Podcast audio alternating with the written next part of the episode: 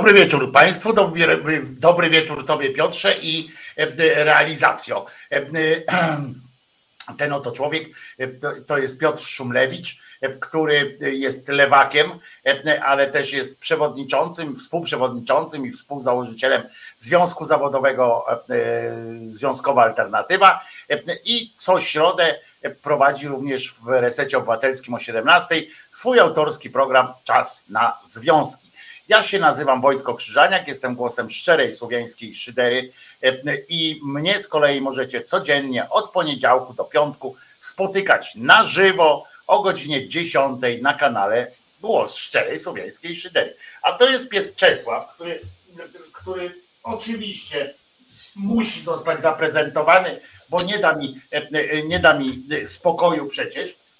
I bardzo dobrze zresztą, bo pies Czesław jest wart prezentowania zawsze i wszędzie i w każdej sekundzie. A wspólnie wszyscy we trójkę poprowadzimy, dziękuję Ci Czesinku, proszę bardzo, wspólnie we trójkę i w porozumieniu poprowadzimy audycję, program, audycję Tydzień zleciał, bum, w resecie obywatelskim. Jeszcze raz witam Was wszystkich i witam Ciebie Piotrze. Co też przygotowałeś na dzisiaj? Oczywiście tematów jest mnóstwo. Chciałem o jednej anegdocie powiedzieć, no ale mimo wszystko tak najbardziej aktualnie. No to jest tak, że tam z pół godziny temu Sejm przyjął ustawę, która wydawała mi się do niedawna jednak mało realna, bo ja pamiętasz, w jednej z audycji mówiłem dość pesymistycznie o polskim społeczeństwie, że któregoś pięknego dnia Kaczyński powie, że dekretem zamyka do więzienia kilku liderów opozycji, no i zrobią sondaż i wyjdzie, że nawet jeszcze mu 5% przyjdzie, nie? że coś takiego zrobi. A w gruncie, czy ta ustawa, którą oni sobie przegłosowali pół godziny temu, o tych tak zwanych agentach wpływu. Może wyjaśnij Piotrze, o co chodzi, żeby, bo nie wszyscy muszą wiedzieć. Znaczy, generalnie, słuchajcie, jest tak, że jak wiecie, co momentami jest groteskowe wręcz, politycy różnych opcji się wymieniają inwektywami, kto jest bardziej proputinowski. Generalnie z obserwacji polskiej polityki wynika ostatnich lat, no, że najbardziej proputinowski jest PiS w tym sensie, że no, na przykład był w różnych sojuszach z panią Le Pen, no i generalnie z politykami bliskimi Putinowi, ale z samym Putinem faktycznie poza Konfederacją, panem Braunem czy Korwin-Mikkem nikt otwarcie nie sympatyzował. No i w momencie, kiedy też te podejrzenia się trochę przylepiły do Morawieckiego, tam e, Kaczyńskiego i spółki, postanowili przekierować uwagę, że tak powiem, że to Tusk i Pawlak są agentami Moskwy. E, I niezależnie od tego, nawet jaka jest Wasza opinia w tej sprawie, bo to można się kłócić i my pewnie nie będziemy o tym dyskutować, ważniejsze jest to, że PiS sobie przyjął ustawę, zgodnie z którą powstanie komisja, która będzie badała tak zwane wpływy rosyjskie w Polsce, które są bliżej nieokreślone, ale co jest kluczowe w tej ustawie, to jest to, że ta komisja właściwie jest takim no ja nie lubię jakby jakichś tam historycznych przykładów, bo to będzie tłumaczenie nieznanego przez nieznane. No ale generalnie to jest tak, że właściwie ta komisja może wywalać z życia politycznego. To znaczy może w zasadzie wszystko, jak ktoś tam się nie stawi, to w ogóle jakieś są potężne kary, które w sądach w ogóle nie ma takich kar, tam kilkadziesiąt tysięcy za to, że ktoś się nie stawi. E, I, i, i może rzeczywiście pozbawiać praw e, wyborczych. E, I to jest dla mnie to już jest naprawdę hardcore, że no oczywiście celem jest Tusk i, i, to, że władza sobie daje uprawnienia dekretem powołując jakąś komisję, która mówi, no dobra, ty mnie wkurzasz. No i powiedzmy platforma, nawet dobra, to naszym szefem będzie Trzaskowski. No to przyjmie się Trzaskowskiemu. No to są już naprawdę takie standardy, bym powiedział, białorusko-rosyjskie, jeżeli chodzi o eliminowanie polityków opozycji. I tutaj, no ja nie lubię patować świętym oburzeniem, które tym bardziej, że jest dosyć jakby jałowe jako broń polityczna. No niemniej jednak to, to jest no naprawdę, no czy hardcore, to że w ogóle jakby nie zadrżała ręka, ja wiem, że jestem naiwny tutaj mówiąc to, żadnemu z tych, tych posłów i posłanek PiSu, Solidarnej Polski, czy Kukiza oczywiście, który jest zawsze wierny PiSowi, ale jakby no to jest po prostu no kolejny krok na drodze ograniczenia praw obywatelskich czy politycznych w tym wypadku. I droga ku no takiej otwartej dyktaturze, więc ja mimo wszystko jestem w szoku, bardzo szybko zresztą zrobili. Znaczy, ja nie jestem w szoku. No, trzy razy e, e, próbowali, więc, e, więc nie widzę powodu, dla którego mieliby teraz akurat przestać, czy jakoś zweryfikować swoje podejście do tej, do tej ustawy. Więc to mnie jakby wcale nie dziwi.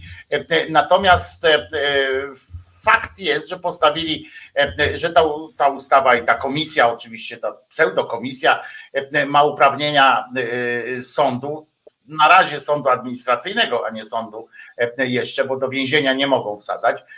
Mogą tylko o, o jakby tam ograniczać działalność, tak, publiczną tych swoich jakby skazanych, no bo tak to by było. Ona jest na, nie będziemy o tym mówić, bo ona jest na tylu poziomach sprzeczna również, nawet na, na moją znajomość taką pobieżną konstytucji, to ona po prostu jest jest no, sprzeczna choćby z tym trójpodziałem władzy, ale to dzisiaj to powiedział fantastycznie, znakomicie. Dzisiaj opowiedział tę historię. Poseł już sobie zapisałem, bo ja nie znam wszystkich poseł lewicy, który był sprawozdawcą tej, tej komisji sejmowej senackiej, poseł Jan Szopiński. Miał fenomenalne wystąpienie, również pod, pod kątem swady takiej i, i tego, jak to mówił. Przedstawiał stanowisko komisji. Komisja ja kiedyś Państwu u siebie w audycji opowiadałem o tym, o tych w ogóle komisjach sejmowych, jak to jest nieistotne. Te komisje sejmowe, jak one są nieistotne i nie, czasami się czy opozycja, czy ktoś tam podnieca na przykład tym, że wygra gdzieś tam w komisji jakieś głosowanie, że, że coś jest, albo na przykład kiedyś była pretensja do posłów lewicy, jakiegoś jednego czy dwóch, że nie przyszli na jakieś głosowanie komisji i że nie uwalili przez to projektu jakiegoś, odmawiając mu. No ja chcę wyjaśnić wszystkim Wam, że komisja jedynie rekomenduje stanowisko całego, całemu Sejmowi. Rekomenduje i to nie stanowisko kogokolwiek innego, jak tylko swoje własne, czyli rekomenduje stanowisko większości komisji po prostu. A to, co się potem z tym dzieje, i tak decyduje na plenarnym posiedzeniu Sejm. W związku z czym tak naprawdę można oczywiście się podniecać tymi występami na komisjach, bo tam są ciekawe dyskusje, fajne przypierdolki, takie wiesz, takie fajne memy słowne tam się używa i tak dalej, ale pamiętajcie, że suma summarum ten projekt na przykład trzy razy został odrzucony przez komisję. Ten dokładnie projekt został trzy razy postawiony na komisji i trzy razy odrzucony na tej komisji, po czym wszedł pod obrady Sejmu, Sejm przyjął, tak żebyśmy mieli jasność w temacie takiego przejmowania się też tym, tym co się na komisjach dzieje, ale faktycznie dzisiaj pan Jan Szopiński, którego już kilka razy słyszałem, jak zobaczyłem go z twarzy, kilka razy go wysłuchałem. I naprawdę nieźle niezły z niego e, jest e, herbatnik, tak mi się wydaje. W ogóle bardzo przygotowany, tak zawsze merytorycznie i też fajnie ze swadą opowiada. E, natomiast chcę Wam też powiedzieć, że to taka ciekawostka jest, bo jeżeli wyście oglądali tę debatę, na której był również premier Tusk, przyszedł, stał na, stał na tej widowni na balkonie, tam nie wiem jak to się nazywa, balkon, widownia, taras, jak się wygląda, nie wiem, galeria chyba, tak to się tak nazywa, e, e, e, stał tam, przysłuchiwał się temu. Oczywiście można sobie zadawać pytanie po co, czy przyjechał tam właśnie po to, żeby pokazać, że się nie boi, albo po to, że właśnie dodać otuchy tym, którzy mieliby zagłosować ewentualnie przeciw. Natomiast natomiast i TVN24 i Polsat tę debatę, Polsat News jako coś znacznego, tę debatę transmitowały. Transmitowała tę e, debatę również e, TVP Info i co ciekawe, ja tu przygotowałem taki filmik, jakbyś mógł do realizacji, tak, ten, ten drugi filmik, ten z tym panem na, na mównicy z TVP Info, taki klip, jakbyś mógł go kliknąć, żebyśmy zobaczyli. On nie będzie nas zagłuszał, bo jest bardzo cichutki, mm, więc można mówić, tak, to jest ten, o. I zwróćcie uwagę, e, pan sobie tu mówi, to jest pan Szopiński właśnie, który przedstawia stanowisko komisji i teraz nagle proszę, kto to jest? O, pan Kłeczek, czyli naj, naj, najbrzydsza twarz po prostu propagandy i tak dalej. Możesz to wyłączyć, bo tam dłuższy fragment jest niepotrzebny, bo on tam pindoli. Ale tak właśnie przebiega i to jest a propos wyborów, a propos tych wszystkich wolności i tak dalej. Przy okazji, przy tej okazji, jak mówimy o takiej komisji, która jest komisją sowiecką, w samym takim sowiecką, albo jeszcze wcześniej podczas rewolucji francuskiej takie komisje się odbywały, te komisje, które miały pełnię praw do wszystkiego, tak? We Francji było tyle i w Sowietach były, miały tę jeszcze no dodatkowy atut, że atut ze swojego punktu widzenia, że mogły po prostu skazywać na śmierć i wykonywać nawet te wyroki, jak w rewolucji francuskiej. W związku z czym, a to jest po prostu coś takiego, że jest jakieś ciało komisyjne i, i nawet w takim wypadku, jak wyszło, to nie było polityczne wystąpienie w sensie jakiejś partii, przedstawienie, że tam mogli powiedzieć, że, że to nie wiem, nie słuchają tam partyjnych wygłoszeń, tylko to było stanow, ogłoszenie stanowiska e, e, komisji senackiej e, do, i sejmowej do, do, takiego, do tego postanowienia, bo przypominam, że dzisiaj była, że to nie było głosowanie za lub przeciw, tylko dzisiaj to było odrzucenie senackiego weta, czyli ostatecznie już przed podpisaniem przed, pre, przez prezydenta, który w Polsce jest, jest, jak wiemy, debilem i można o tym już mówić w pełnym tym, bo uprawomocnił się wyrok e, w sprawie Żulczyk, w sprawie Duda Żulczyk e, i możemy już e, mówić jasno i wyraźnie, że mamy debila za prezydenta i, i teraz już on jest ostatnią instancją, tak? I bardzo mi się podoba zresztą też jak dziennikarze mówią o tym, czy Duda stanie na wysokości zadania, nie? O kurwa.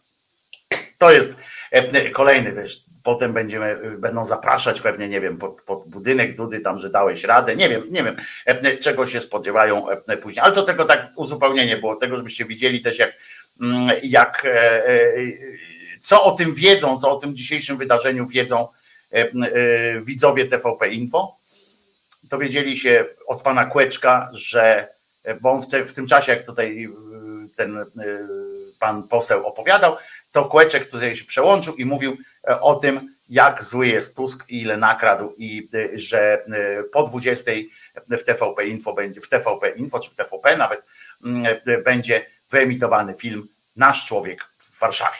Po raz kolejny w ciągu, w ciągu miesiąca, więc, więc jadą po bandzie. No więc pan to opowiedział, tutaj Sejm, a tutaj to, to tylko taka moja uwaga co do tego dzisiejszego skandalicznego, no ale e, jakby będącego żelazną konsekwencją też poprzednich działań wszystkich i tak dalej. Także e, dziwić to nie powinno nic. Znaczy nie, no nie powinno, bo ja pamiętam właściwie podobną wagę moim zdaniem miało uwalanie Trybunału Konstytucyjnego w 2016 roku. Wtedy było trochę tych demonstracji, w których ja zresztą brałem udział właściwie codziennie wtedy. I było wtedy dużo głosów i ciekaw jestem, jak to teraz się będzie układać. E, chyba teraz jednak nie będzie aż tak źle jak wtedy, bo wtedy było dużo głosów, że w sumie ten Trybunał Konstytucyjny to jest trochę temat zastępczy, bo bez przesady, bo w sumie to tylko elity z tego Trybunału Konstytucyjnego korzystają. Mm, ja wtedy mówiłem, że to jest głupie podejście, no bo Trybunał generalnie to jest właściwie całość polskiego prawa i właśnie można na przykład przez zawłaszczenie Trybunału coś takiego forsować, jak teraz właśnie, gdybyśmy mieli Trybunał z prawdziwego, porządnego zdarzenia, normalny tak zwany, no to by ta ustawa była zablokowana przez Trybunał Konstytucyjny, a tak to w ogóle nie ma o czym rozmawiać, tak? Natomiast jest coś takiego i to chyba się jednak zmienia akurat to na niekorzyść, że co prawda Tusk tam tą demonstrację ogłosił już tam ile, miesiąc temu, czy nawet więcej, że on robi 4 czerwca e, demonstrację, ale protestów zasadniczo nie ma. E, i na przykład jeszcze powiedzmy te parę lat temu w dniu, kiedy, e, tryb, kiedy Sejm czy Senat jeszcze głosował sprawy związane z zawłaszczaniem Trybunału, no to tam jednak było kilka, później nawet kilkadziesiąt tysięcy ludzi teraz właściwie no jest spokojnie bardzo, że tak powiem. Może dlatego, że, że y, nie chcą, że ludzie przygotowali się na 4 czerwca i że jakby wiedzą, wiesz, my też wiemy o tym, że um, ja też to wiem, to wiem, że mimo to, że oczywiście protesty są potrzebne jako wywieranie presji i tak dalej, natomiast wiemy też, jaki stosunek do tego ma władza, że generalnie się nie przejmuje tym absolutnie, że protesty są za słabe na, na to, żeby się mogła tym przejąć, żeby się miała duży argument do przejmowania się tym, że nie są te protesty tak intensywne jak na przykład we Francji, prawda, gdzie, gdzie trudno to, trudno o nich nie mówić na przykład władzy, trudno się do nich nie odnosić, skoro, skoro są quasi rewolucyjne nawet. Natomiast więc nie ma sensu wyjść teraz na ulicę, poddać się znowu pora pokazać, że znowu jest ktoś słaby, bo ja jakby teraz wyszło kilka set osób, kilka tysięcy nawet osób jakby wyszło na ulicę, to byłoby po prostu pokazane, potem by ktoś na to spojrzał, mówi, aha, no i znowu wyszli, nic to nie dało. Więc przed 4 czerwca ja rozumiem takie wstrzymanie się, taką wstrzemięźliwość. Trochę mi zabrzmiał dzisiaj Tusk po wyjściu z Sejmu, trochę mi zabrzmiał złowieszczo, tak też rewolucyjnie, prawie jak prawie jak ta ustawa, bo on e, e, rzucił takie hasło, ja wiem, że skądinąd słuszne, ale e, jednak tak trochę, to jest jeszcze raz dowodzi tego, że mm, politycy powinni też ćwiczyć nerwy i wstrzymywać się czasami. On sobie pozwolił na stwierdzenie dzisiaj od razu po wyjściu z Sejmu, przed wyjściem z Sejmu, indagowany przez, przez dziennikarzy, że mm, wszyscy ci którzy podnieśli rękę za tym, e, za, tym e, za e, odrzuceniem, powinni, będą tego żałować. Rozumiesz? To jest takie. Ja wiem o co chodzi, tak? Przecież wiemy, my wiemy, że, że to nie będzie tak, że będzie biegał z maczetą po, po tym, albo jak będzie się, nie będzie się bawił też w Robespiera. Natomiast, natomiast no zabrzmiało to tak, wiesz, trochę bardzo, bardzo, bardzo po pisowskiemu. O tak powiem, bardzo po pisowskiemu. To, e, takie e, prawie jak to o tym odcinaniu rąk, tak, które sięgną po naszą, e, ten, te wszystkie ręce będą obcięte i tak dalej, i tak dalej.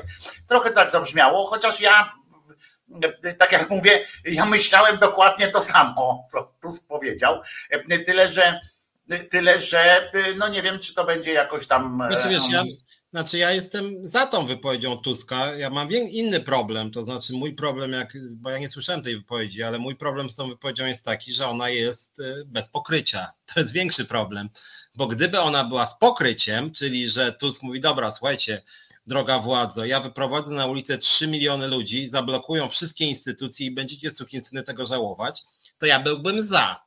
Bo moim zdaniem rzeczywiście jest tak, że PiS tak łamie prawo i tak narusza już no, podstawowe zasady demokratyczne. Jak oni odbiorą na przykład Tuskowi prawa wyborcze, na przykład by odebrali, no to w takim, to moim zdaniem demokracja już byłaby w dużym cudzysłowie. No.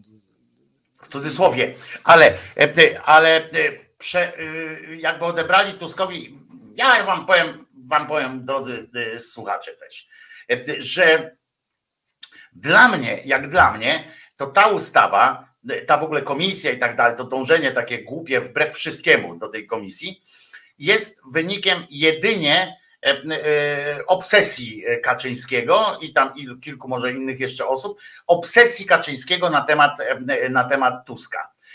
Wyłącznie, ponieważ ta komisja w moim takim, to, to jest moja interpretacja, ona nie, nie przyniesie nic dobrego, tak? Bo oni przez do tego tam września czy do października nie sformułują jakichś takich wniosków, o których już by dzisiaj nie mówili w formie publicystycznej.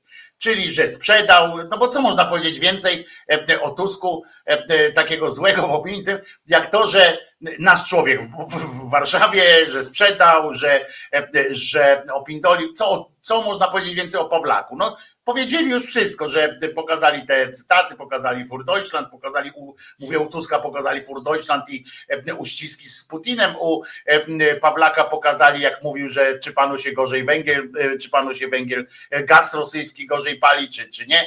Rozumiesz, wszystko już powiedzieli, teraz mogą tam rzucać jakieś nazwy, które są, które są generalnie już nudne i nie do przyjęcia przez, przez tak zwaną ciżbę, tak? Przez, przez ogół, że oni już to wszystko wiedzą i tak dalej. Natomiast Muszę wam powiedzieć, że gdyby udało im się do tego 17 września czy października udupić e, Tuska, to znając przekorę Polaków e, i, e, i taki, taki ewidentny sygnał by był dla tych, którzy nie głosują, bo przecież umówmy się, że jakby ta komisja co ma utwierdzić dalej wyborców PiSu, że jeszcze bardziej nie zagłosują na Tuska, no, no to, to, to nie ma sensu, nie?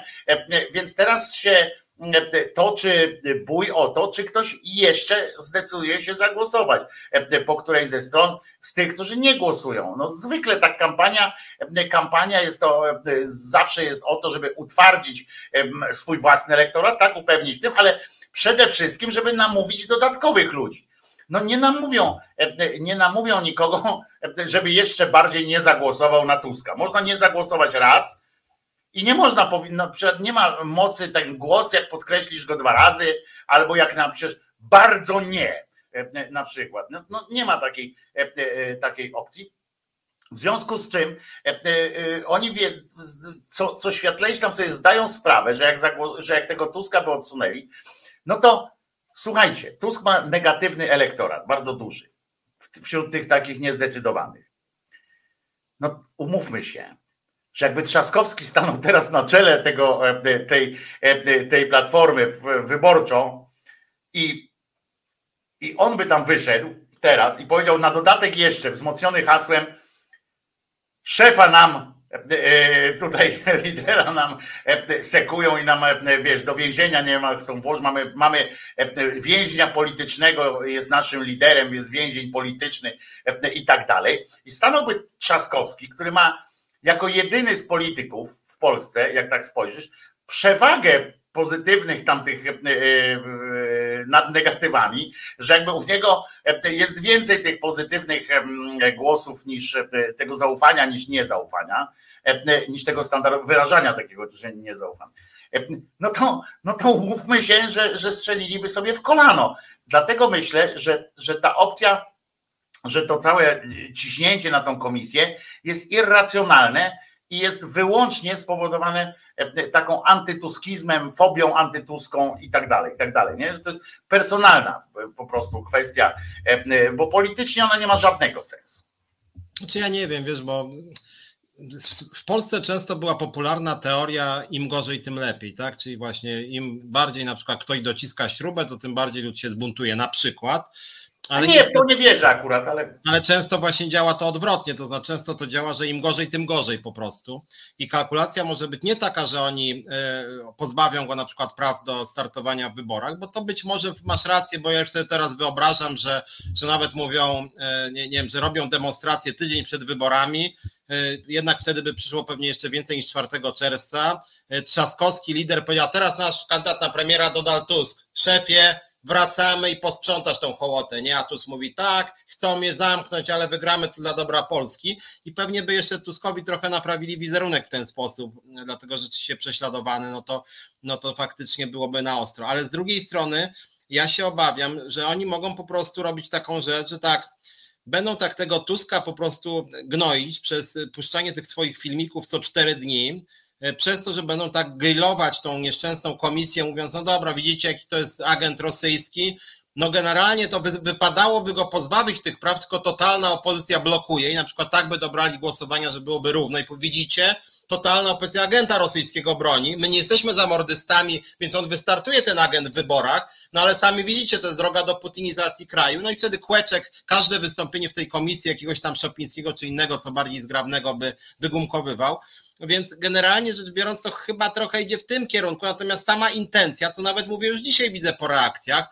nie widzę, jakby no ja też to nie jest reprezentatywne, bo, bo, bo, bo dobrze wiemy, że, że, że jakby my widzimy tylko swoje bańki na Twitterze czy Facebooku, czy głównie swoje bańki, ale ja nie widzę takiego wow w sensie, że ludzie są oburzeni od lewicy przez Hołownię, PSL, powahający się elektorat, że to kurde jakaś Białoruś nam właściwie zawitała do Polski. Bo się po pierwsze przyzwyczaili, po pierwsze się do tej myśli było czas przyzwyczaić, to po pierwsze, bo to nie jest tak z wczoraj na dzisiaj yy, zrobione. E, po pierwsze ta komisja już jest tak przewałkowana, że jest e, nudna pamiętać, że mówiliśmy już o tym nieraz, że w Polsce jest tyle tematów, tyle tematów e, takich do skandali, głupot i tak dalej, że jakby nie ma się na czym skupić. Dlatego dobrze ja uważam, że ten marsz 4 czerwca. Tutaj Kirej szyderczo pisze, czy przypadkiem przy okazji poprzednich wyborów również nie było analogicznego marszu PO, który zwycięstwa w wyborach nie dał. Oczywiście, no, oczywiście możemy teraz sobie Kireju i drodzy przeciwnicy tego marszu, możemy sobie powiedzieć tak, a chuj tam, i tak przegramy, tak? Możemy powiedzieć, że, że nie ma sensu. Możemy stanąć, powiedzieć, dlaczego wszystkie partie opozycyjne nie mają na czołach tam czy na sztandarach wypisanych punktu po punkcie wszystkich programów wyborczych i tak dalej. Bo tutaj ktoś jeszcze, przepraszam, ale naprawdę nie, nie pamiętam, ale kilka osób tam napisało, no miało, ale nic poza marszem tam nie mieli i tak dalej, i tak dalej. E, i że dlatego przegrają, bo, bo, bo jest pustka i tak dalej. No oczywiście możemy tak zrobić, możemy tak założyć. O, to Jula tak pisał, e, był, a potem zaskoczenie, bo nic prócz marszu nie mają. E, no nie ma zaskoczenia, e, Julo, bo nikt nie dał szansy sprawdzić się PO, bo przypominam, jak słusznie Kirej zauważył, że te wybory zostały przegrane. Więc, więc trudno mówić o zaskoczeniu, że niczego nie zrobili. No jeśli zaskoczeniem dla ciebie może być to, że partia opozycyjna nie wprowadziła reform, no to faktycznie jest to, może być to uznawane za porażkę partii opozycyjnej. Ja uważam, że, że ja nie jestem, wiecie, zwolennikiem PO w ogóle, e, tak? Natomiast e, jak tylko będę mógł, to pojadę, przyjadę na ten marsz, bo to nie jest marsz PO i coraz bardziej podobają mi się politycy lewicy, na przykład, którzy mówią, że przyjdą tam e, po prostu dlatego, żeby pokazać, żeby się policzyć, żeby pokazać władzy, że jest, jak jest nas dużo. Cieszy mnie coraz bardziej, coraz bardziej wylewne poparcie poszczególnych polityków e, i polityczek e, od Hołowni i od PSL-u, którzy też twierdzą, że, e, że nawet jak sami nie przyjdą, to namawiają innych, żeby przyszli, jak mają tam swoje jakieś inne zobowiązania, ponieważ uważam, że, że można ograniczyć się do, do mówienia, że jest źle i że, że nie, nic nie robią. Można się, można jeszcze trochę powiedzieć, tak jak my tutaj z Piotrkiem, czy ja u siebie też w audycji, wskazuję błędy i pokazuję, co moim zdaniem powinno się jednak jeszcze zrobić, ale z góry skazywanie, takie mówienie, e, nie będę się egzajtował, nie będę nic robił, no to możemy potem oczywiście stanąć sobie e, dzielnie, e, tłumacząc sobie, że jesteśmy moralnymi zwycięzcami, e, na przykład, e, i tak byśmy nie wygrali, albo e, i nie tam, a możemy po prostu podjąć, ja nie namawiam tam, wiecie, to nie chodzi o to, że ja mówię o kimś, że ktoś jest gorszy czy głupszy, bo, bo nie będzie brał udziału. Ja sam reaguję z, z dystansem, tak, ale, ale mnie przekonało to, że, że po prostu musimy się E, policzyć. Więc, e, więc e, mówienie, że, że a nawet jak wygrają, to i tak nic nie zrobią, no to pracujmy nad tym, żeby zrobili coś tak wygrają, tak? Próbujmy znaczy, teraz rozmawiać z tymi politykami. Znaczy, ale mówienie, już cię dopuszczam, ale mówienie, że mm, wtedy był marsz i nic tam się nie, nie, nie wygrali, a potem jeszcze, że, że się okazało, że nie dość, że nie wygrali, to nie, niczego nie wprowadzili reform, to wydaje mi się trochę, mm, trochę nie teraz, no, trochę nie teraz. Znaczy tutaj moim zdaniem też, bo część naszych tutaj y, widzów i widzek czasem nas atakuje, że my krytykujemy opozycję, na przykład Gonia Francuz, y, a, a, a to wszystko się nie wyklucza. To znaczy my obydwaj PiSu bardzo nie lubimy i życzymy tej opozycji, żeby PiS przegoniła, ale to nie zmienia faktu, że czasem, na przykład ja nawet podczas swoich programów Czas na Związki, szczególnie na przykład często mówię, że opozycja jest bardzo słaba programowo, to nie znaczy, że ja jej nie życzę dobrze. To znaczy to na przykład jest też tak, że na przykład na Węgrzech, ja to aż tak nie znam tego kontekstu, ale czytałem parę tekstów, ten Orban, który ich tam nokautował, no to oni rozdrobnieni byli, kłócili się o pierdoły, zmieniali zdanie pięć razy. No i tak patrząc z zewnątrz można powiedzieć, no no, sami sobie winni, bo na przykład, nie wiem, brakowało im spójnych test. No, z jednej, prawda z jednej strony, ale z drugiej strony nie zmienia to faktu, że byli dużo lepsi pod każdym względem od Orbana i ja im bardzo dobrze życzyłem, a jak im mówiłem z boku trochę, że na przykład brakowało im spójnej idei, no to, jest, to, to, to mówiłem to z tego, że im dobrze życzyłem. I to samo, jak krytykuję tą opozycję, to po prostu ja się niepokoję często, że oni, e, że e, ja akurat nie jestem wahający się, bo ja zdecydowanie jestem za przegnaniem PiSu, to ja krytykuję opozycję z tej perspektywy, że boję się, że swoją politykę... Przepraszam, czy ktoś tu jest wahający, przepraszam, czy ktoś się zgłosił u nas na czacie, czy tam wśród tych, że jest wahający się, to bym, nie, nie, nie pytam dlatego, żeby go zbutować, tylko przeciwnie, że chciałbym porozmawiać z kimś takim.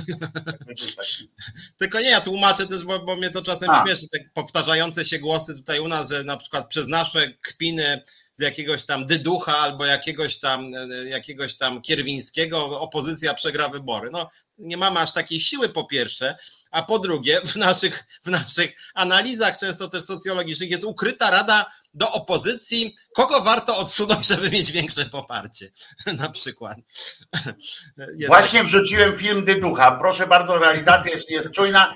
Wczorajsze przemówienie Dyducha e, podsumowujące debatę e, o prawach kobiet. Tak podsumowują Dyduch. Panie Marszałku, Wysoki Sejmie, no ta debata jest bardzo burzliwa. Cieszę się, że wszystkie strony robią coś dla kobiet, bo prawa kobiet, świadczenie dla kobiet jest istotne. Ja nie, nie jest to pierwsza debata, w której uczestniczę, jeżeli chodzi o to, żeby poprawić los i, i warunki funkcjonowania kobiet w Polsce. I dobrze, niech i prawica, i lewica w tych sprawach coś zrobią. To będzie postęp. I z tego tytułu chciałem zadać pytanie panu ministrowi. Ile jest w Europie krajów, w którym, jeżeli chodzi o płace, w których kobieta ma takie same płace, nie deklarowane, tylko rzeczywiste, jak mężczyźni. I, i e, jeżeli chodzi o pewien przykład, czyli kraje skandynawskie, bo można powiedzieć, że jakiś postęp jest, bo przez kobiety walczą o swoje prawa ponad 100 lat temu no, zaczęły i to się toczy i dobrze.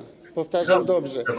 Czy można zdefiniować jakieś e, kryterium postępu w tej sprawie, jeżeli chodzi o świadczenia e, dla kobiet i warunki, w których funkcjonują na co dzień? Czy można jakieś kryteria prosić, które e, określają poprawę stanu życia kobiet na co dzień? Czy są takie kryteria? To jest właśnie a propos dyduch. I faktycznie jak na takiego cymbała patrzę, ludzie, to oczywiście, że że e, nie chce się iść tak, że nogi same się skręcają w drugą stronę od tego marszu, tak? Na przykład, nie? Że, e, że trzeba się mocno nawyginać, żeby, e, żeby iść na ten marsz. Tak samo jak trzeba się mocno nawyginać, jak wiesz, że tam będą ludzie od, od Hołowni, na przykład ci tacy ci świątkowi ludzie od Hołowni na przykład, bo tam nie tylko tacy są i tak dalej. To wiadomo, nie? Ale, ale, no ale jak nie pójdziemy, czy jak nie, nie będziemy mm, się jakoś tam e, uda, przynajmniej e, mówili, mi się podoba akurat ta opcja trzech, trzech e, bloków tych parlamentarnych, znaczy tych startowych. Mi się to o tyle podoba, że ja nie muszę się mm, naginać, tak? Nie muszę, jakby było jedny, jeden, no to ja bym musiał głosować na listę, na której jest na przykład tam ktoś tam w tym Platformie, czy ktoś, kogo, albo Donald Tusk choćby, którego e, jakoś tam e, nie propsuje bardzo. Natomiast, e, natomiast teraz mogę sobie wybrać, potem jak będzie już ta władza, to będę mógł się domagać od swoich, tak, żeby przeforsowywali swoje, swoje postulaty. I mi się to podoba, to, to trzy akurat drogi. Co nie zmienia, jeszcze raz powtarzam faktu, mm, że przy całym tym, przy naszym krytycyzmie do nich wszystkich, no kurczę, jeżeli skończymy rozmowę na tym, że e, miazga programowa, nie? E, miazga. Jeżeli nie pójdzie za tym coś dalej, e, takie mm, e, e, jakieś działanie, no to, no to faktycznie jest koniec, nie? No to faktycznie wtedy trzeba majty zaciskać, tak? I i jakby kończyć tę te, te przygodę z polityką, czy, czy z Polską, z demokracją w ogóle i tak dalej. Ja wiem, że mówię patetycznie, trochę, ja mówię spokojnie, ale, ale tak są treści takie trochę e, patetyczne, można powiedzieć. No ale tak jest, nie? że jeżeli uznamy teraz, że że wtedy nie mieli, dzisiaj też nie mają, bo ja też jestem przecież krytyczny do, do ich propozycji. E, e, no dlatego ja tam bardziej spozieram w stronę lewicy akurat, tak? Ale są tacy, którzy spozierają w inne strony. I, e, no i myślę, że kurczę. Jakbyśmy mieli głosować tak na ideały, nie, no to byśmy też nie głosowali. Nigdy byśmy w żadnych wyborach nie, nie zagłosowali. Mi się podoba w sumie głos dziadu, dziadu, że Dyduk na Eurowizję, to może nie głupie faktycznie. To jest akurat tak, to jest akurat e, bardzo, bardzo e, e, dobra, dobra koncepcja. Dla jednych naginaniem się byłaby zagłosowanie na jedną listę, dla innych pójście już na imprezę partyjną.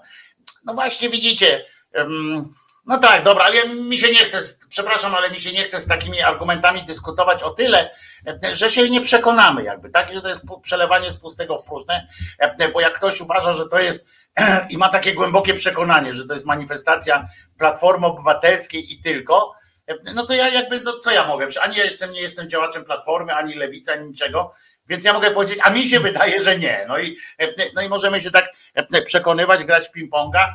Ja jestem zdania, że, że, że, że, że jak najwięcej ludzi tam powinno być, choćby po to, żeby, żeby Kaczyński może się trochę obesrał w pieluchę. Trochę. Nie mówię, że od razu, że to będzie zwycięstwo, ale żeby dodać otuchy tym wszystkim, którzy się jeszcze wahają. Bo ja wierzę, że jak ktoś zostanie w domu, a zobaczy potem, że, że coś się e, dzieje jednak, to że może uwierzy w siebie, tak, jak, tak samo jak było przy protestach kobiet. Zobaczcie, ile osób wyszło na ulicę, tych, którzy się dopiero w tym drugim rzucie drugim, trzecim rzucie w tych małych miastach, pamiętacie, na początku była to sama Warszawa, potem e, nagle się ludzie po prostu poczuły, kobiety się poczuły pewniejsze w swoim, w swoim tym, nawet do tego stopnia, że potrafiły, jedna kobieta powinna wychodzić, mogła śmiało wyjść gdzieś tam w jakimś miasteczku. Czy tu jest akurat a propos tego, co powiedziałeś, żeby nowy wątek wprowadzić? To jest dosyć ciekawe, ja pamiętam, była, był taki dosyć ciekawy wywiad z tym, zaraz, z Dumą chyba, z tym Dumą, który jest tam szefem Ośrodka Badań Opinii Publicznej.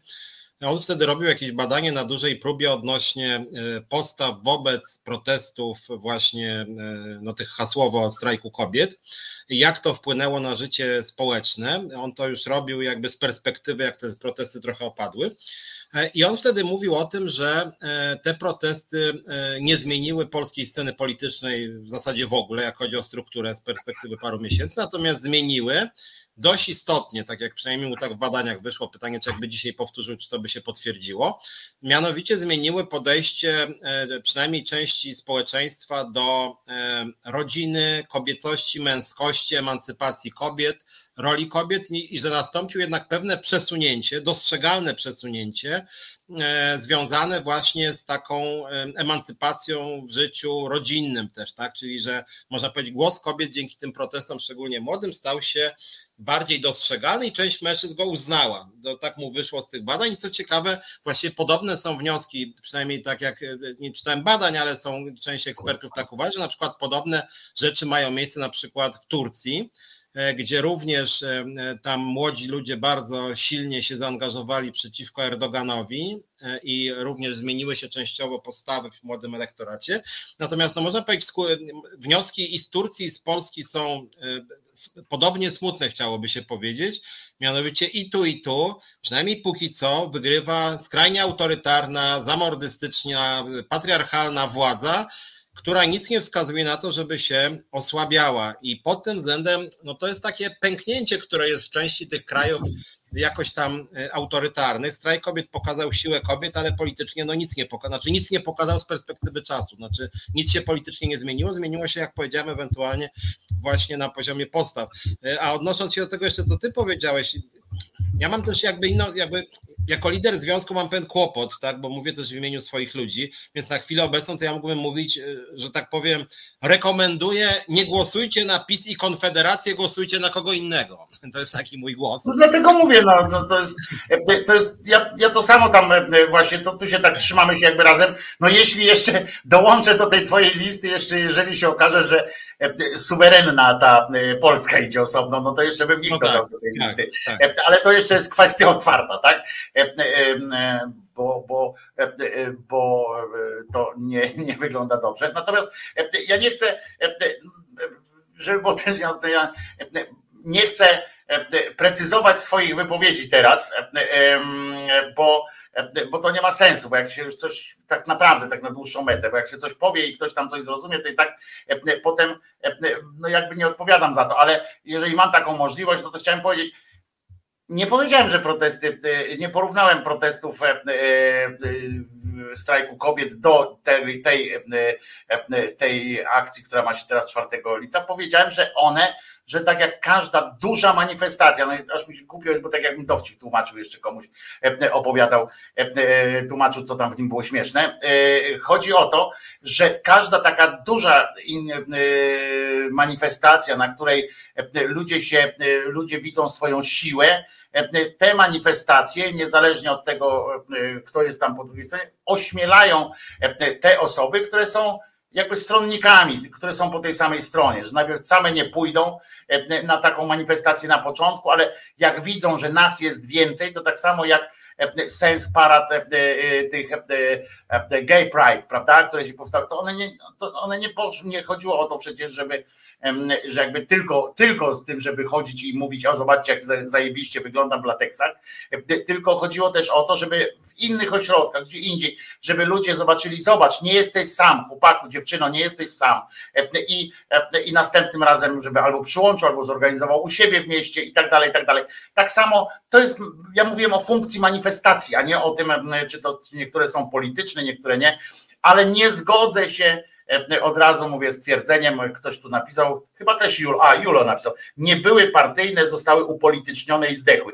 Nie rozumiem, e, co to znaczy, bo e, jednocześnie, że nie były partyjne, zostały upolitycznione. A co to jest? A może być coś, a przecież może być coś upolitycznione, a niekoniecznie partyjne. Ja nie, to, to, to, to złe postawienie sprawy jest. One były polityczne i to od samego początku były polityczne. No, no ja znam Martę Lempart i e, osobiście również i tak dalej, no e, i koleżanki organizatorki. No oczywiście e, tematem był, tematem były były prawa kobiet, ale, ale hasłem było, żeby PiS wypierdalał. No, no ludzie, mówienie, że to nie było, że to nie miało zabarwienia politycznego, czy, czy że coś tam, no, że nie były partyjne znalazły, zostały upolitycznione. One właśnie przeciwnie, no nie były partyjne, ale upolitycznione to one były od początku.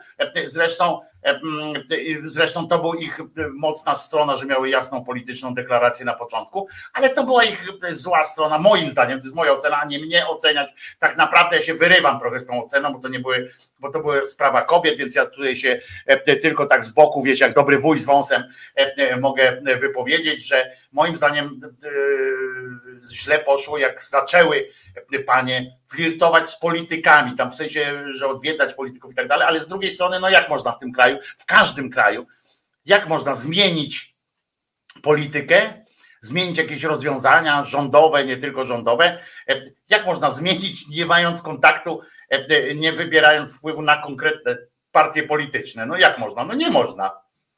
Znaczy, wiesz, no nie ja... można. W Polsce nie ma ustawy, którą może prezydent podpisać bezpośrednio, bezpośrednio, że my z Piotrem i z milionem jego, jego Piotra zwolenników w związku zawodowym utworzymy jakąś, zrobimy jakąś gniewną, gniewną deklarację, napiszemy jakąś gniewną ustawę i zaniesiemy ją do prezydenta, prezydent ją podpisze i będzie obowiązywał. No nie ma, no musicie to zrobić przez partię, no, no trzeba to zrobić. Nie ma, w Polsce nie ma innej możliwości. Nawet jeśli zbierzecie 10 milionów podpisów, to idziecie z nią do Sejmu i Sejm musi ją prze, przepuścić przez partyjne e, swoje e, koła. No nie ma takiej możliwości, więc więc akurat e, można mieć pretensje o sposób, w jaki się dziewczyny zaangażowały w politykę, potem w taką bezpośrednią partyjną politykę, ale to, że się, że skierowały się do polityków, no to, no to, no to, no mówię, no mogły iść do prezydenta, powiedzieć, że podpisz,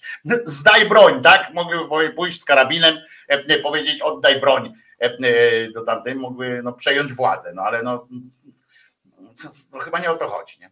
Znaczy, wydaje mi się też, że w Polsce jest coś takiego, że jest pewnego rodzaju fetyszyzacja ludu, i często się usprawiedliwia ten lud, wskazując, że są źli liderzy. I gdyby nie liderzy, to byłoby w ogóle fantastycznie. Moim zdaniem strajk kobiet, no to też spójrzmy sobie, że tak powiem, wszyscy jakoś w lustro. E, no był to trochę słomiany zapał uczestników też, no, bo teraz ja słyszę, bardzo popularne jest teraz, że w ogóle wszystko by wyszło, gdyby nie tam Lempart, Suchanow i cztery inne osoby, nie? No to co to te kobiety, które wychodziły na ulicę, to jakby broniły swoich interesów i powiedziały, no nie, ta Lempart to jest taka niefajna, że my już nie będziemy walczyć o prawo do aborcji. No to jakieś głupie wytłumaczenie. Moim zdaniem, i to już można by szukać głębiej jakichś przyczyn, ale generalnie rzecz biorąc się okazało, można szukać przyczyn, nie wiem, w, edukacji, w wychowaniu, w przekazie medialnym, w zastraszaniu przez władzę oczywiście, bo też gazem się psikało czasem na tych demonstracjach, biło się tych ludzi. No nie czasem, tylko to, była, to było rutynowe, rutynowe działania. No. Rutynowe działania, mandaty, zastraszanie, że, że protestujący po prostu nie, nie atakuje nawet, no ale wymiękli, no dosyć szybko wymiękli. E, I to nie było, to nie było tak, że gdyby, gdyby lepsza była tam, nie wiem, Lempart, to by nie wymiękli, by przez dwa lata aż do obalenia PiSu by dalej protestowali. No nie, no to tak nie działa. W związku z tym jeszcze jakieś sugestie, że, że, że Lempart położyła ruch, dlatego że na przykład gdzieś tam sprzątaczkę zwyzywała jakąś. Kto to w ogóle widział? Kogo to obchodziło? Ci młodzi ludzie w ogóle telewizji nie oglądali. Więc to akurat był jakiś margines. Generalnie można różnych przyczyn szukać, dlaczego to oklapło, a oklapło skokowo właściwie, co też jest właściwie ciekawe. E, ja to zawsze mówiłem, nie to żebym jakoś, że tak powiem, obrażał młodych ludzi, ale uważam, że powera w Polsce mają bardziej starsi ludzie niż młodzi. Ci młodzi mają dużo słomianego zapału. A mi się wydaje, że, że masz błąd, dlatego że nie masz, e, że nie masz w pobliżu gdzieś tych młodych. Naprawdę to, co się dzieje, ta akcja teraz, prawda, e, w internecie też się dzieje, prawda. Świetny dokument proponuję wam, żebyście obejrzeli w ramach E, cyklu Czarno na Białym ostatnio Radomira Czarneckiego e, właśnie o młodych. Świetny, sprzed dwóch dni chyba. E, świetny taki głos właśnie w różnych, z różnych miejsc, nie, nie z Warszawy, z perspektywy warszawskiego Mordoru, tylko właśnie z, z fajnych kilku miejsc i z, taka rozmowa, bardzo fajna, bardzo fajne rozmowy z ludźmi, ta akcja. Ja myślę, że w, w młodych coś jest fajnego. Ja jestem za stary oczywiście, żeby żeby, mm, żeby płakać. Jeszcze jedno wyjaśnienie, tylko bo, bo Julo doprecyzował tutaj o co chodzi, więc wyjaśniam, że w tamtym poprzednim e, e, chyba miało być napisane, nie były partyjne, zostały upolitycznione, nadano ruchowi charakter polityczny, czyli partyjny. No polityczny, jeszcze raz powtarzam, no, albo się posługujemy takimi mm, no, posługujmy się jakimiś definicjami, tak? Nie, nie, nie, nie wprowadzajmy zamieszania i to nie mówię przypierdolkę, tylko chodzi o to, żebyśmy się w ogóle potrafili porozumieć. Nie wprowadzajmy takich pojęć jak polityczny, czyli partyjny. No nie, polityka to nie jest partia. Partia jest e, częścią polityki, ale nie polityka jest, e, e, jest jakby, wiecie, no, co jest wyżej, co jest niżej. Polityka jest nad partią, tak? A nie, nie jest jakby związany. Więc to nie jest tak, że polityczny, czyli partyjny. Tak? Nie nadano tym w moim, moim, ja nie zauważyłem, żeby tym temu ruchowi strajku kobiet nadano rys koalicji obywatelskiej. Tego nie zauważyłem. Przyznam szczerze, że tego nie zauważyłem. Wiem, że tam dużo się tych posłanek akurat koalicji obywatelskiej w to mieszało, ale równie dobrze była tam lewica zaangażowana. Ja nie zauważyłem, żeby to było koalicja obywatelska, żeby się bardzo zaangażowała. Mnie bardziej, mi bardziej się wydaje, że to, co mogło przeszkodzić, jeżeli mówimy o upolitycznieniu, bo mówię, nie mieszajmy partii do polityki, bo upolitycznienie to był polityczny ruch od samego początku, bo to jest polityka właśnie, wpływanie na, na, na, na, stan, świat, na stan życia. Ale jeżeli już to ambicje polityczne pewnych państw, które tam są, bardziej to mogło Mm, stanąć. O tym chyba pewnie mówimy, Julo, tak naprawdę. Chyba o tym mówimy i o to chodzi, do tego to się sprowadza, że, że ambicje polityczne niektórych ludzi, że to, bo partie się akurat w tym wypadku e, zachowały w miarę okej. Okay. Tak mi się wydaje. Akurat w niewielu rzeczach w Polsce partie zachowują się ok, ale tutaj bardziej od środka się ten, ten ruch rozpindolił, niż, niż za sprawą tego, że został nazwany. Ale jedno ważne na przyszłość, takie, żebyśmy pamiętali, że polityczny to niekoniecznie musi być partyjny. Partia no, no tak, to nie jest polityka. Tylko, że, bo też jak chodzi o radę konsultacyjną Karaj, to ja też byłem w tej radzie konsultacyjnej, która moim zdaniem miała marginalne znaczenie, zresztą w pewnym momencie mnie stamtąd w ogóle usunięto i zaczęły się jakieś wewnętrzne czystki. Natomiast to moim zdaniem nie miało znaczenia. Ja się z Markiem Jurkiewiczem zgadzam, że ludzie się z czasem przyzwyczajają i ruchy się rzeczywiście, że tak powiem, stają coraz chłodniejsze, że najpierw jest wybuch emocji, a później się chłodzi. Ja się z tym zgadzam i w pewnym sensie, no nikt tego nie zweryfikuje. Jak chodzi o strajk kobiet, to moim zdaniem mało brakowało, a ten ruch rzeczywiście by jakąś przelał szale goryczy i być może, bo PiS się trochę jednak przestraszył strajku. Tak, tak, tak. Jednak Zwłaszcza się przestraszył. Do ja połowy, do połowy, no. Tak, tak. Do ja połowy. dlatego też je, mówię trochę jako człowiek, który nawet organizował część tych demonstracji, na przykład pod TVP, ja mówię to trochę z goryczy, że żałuję, że nie wytrzymali ci ludzie jeszcze nawet dwa tygodnie, bo ja nie powiem, że rząd by upadł, bo by nie upadł, ale generalnie moim zdaniem było blisko jakiegoś prześlenia, że PiS by się jednak przestraszył. Ja pamiętam, co było w locie i naprawdę PiS się wtedy postrał i spełnił wszystkie nasze życzenia. I tu mało brakowało, aby się wycofał z czegoś, tylko niestety faktycznie z różnych przyczyn i nie, nie, te, nie tych, które wskazujecie moim zdaniem. Ja przepraszam, ale jeszcze raz muszę, muszę, muszę tu wystąpić. To ja tu nie jestem od bronienia dziewczyn ze strajku kobiet, one się świetnie same bronią, ale przepraszam, teraz powiem po francusku no nie, dobra, złagodzę. Pindolenie o tym, że e, powołano Radę Konsultacyjną złożoną, złożoną z polityków, głównie z e, KO, Kirej, e, czy, czy kto to jeszcze? Kirej razem z, z kimś jeszcze, tak? Nie, to Kirej pisze, powołano Radę Konsultacyjną złożoną z polityków głównie związanych z KO i się zesrało. To ja, proszę Ciebie, powiem Ci tak, naprawdę, oddychaj głęboko, i jeszcze raz to przemyśl. Rada konsultacyjna powstała spontanicznie przez wiele osób, została powoływana. Tam nie było żadnych polityków poza, y, poza tym, że na przykład przystępowali tam politycy, ale poza partyjną swoją działalnością i były to kobiety, głównie ekspertki przy okazji jakichś e, różnych e, rzeczy. To, że się później e, Rada Konsultacyjna, tak jak powiedział Piotr, ja znam przynajmniej kilkanaście osób, które były w tych radach konsultacyjnych one były podzielone na tematycznie, one tam się zaczęły. Fakt, potem przyszła Marta Lempart i y, osobiście je posprzątała, tak? W sensie powiedziała, że nie macie nic znaczenia. Inna rzecz jest, że w tych radach konsultacyjnych, to mówię z pierwszej ręki, rady konsultacyjne niestety nie były wykorzystywane w ogóle. Jeżeli prowadziły, to prowadziły jakiś program, e, poprowadziły, bo rady konsultacyjne powstawały po to, czego się domagamy dzisiaj w postaci tego, żeby coś takiego było w partiach różnych że były tematyczne bloki, żeby jakieś grupy przygotowywały konkretne rozwiązania. Rada konsultacyjna przy strajku kobiet były właśnie po to robione, były bloki różne.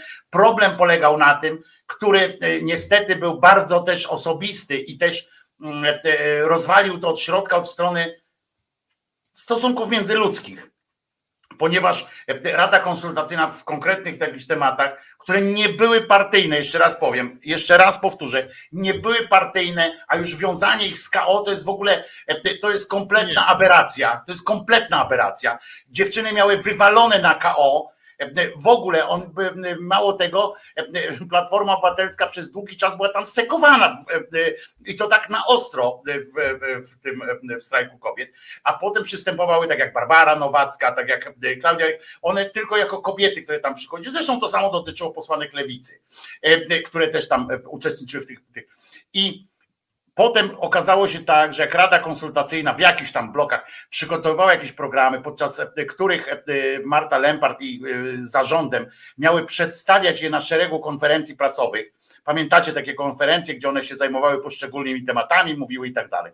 To po pierwsze, mówiły, że to one przygotowały, co jak wiecie, każdego autora będzie bolało, że, że ktoś nie przypisał mu współautorstwa choćby.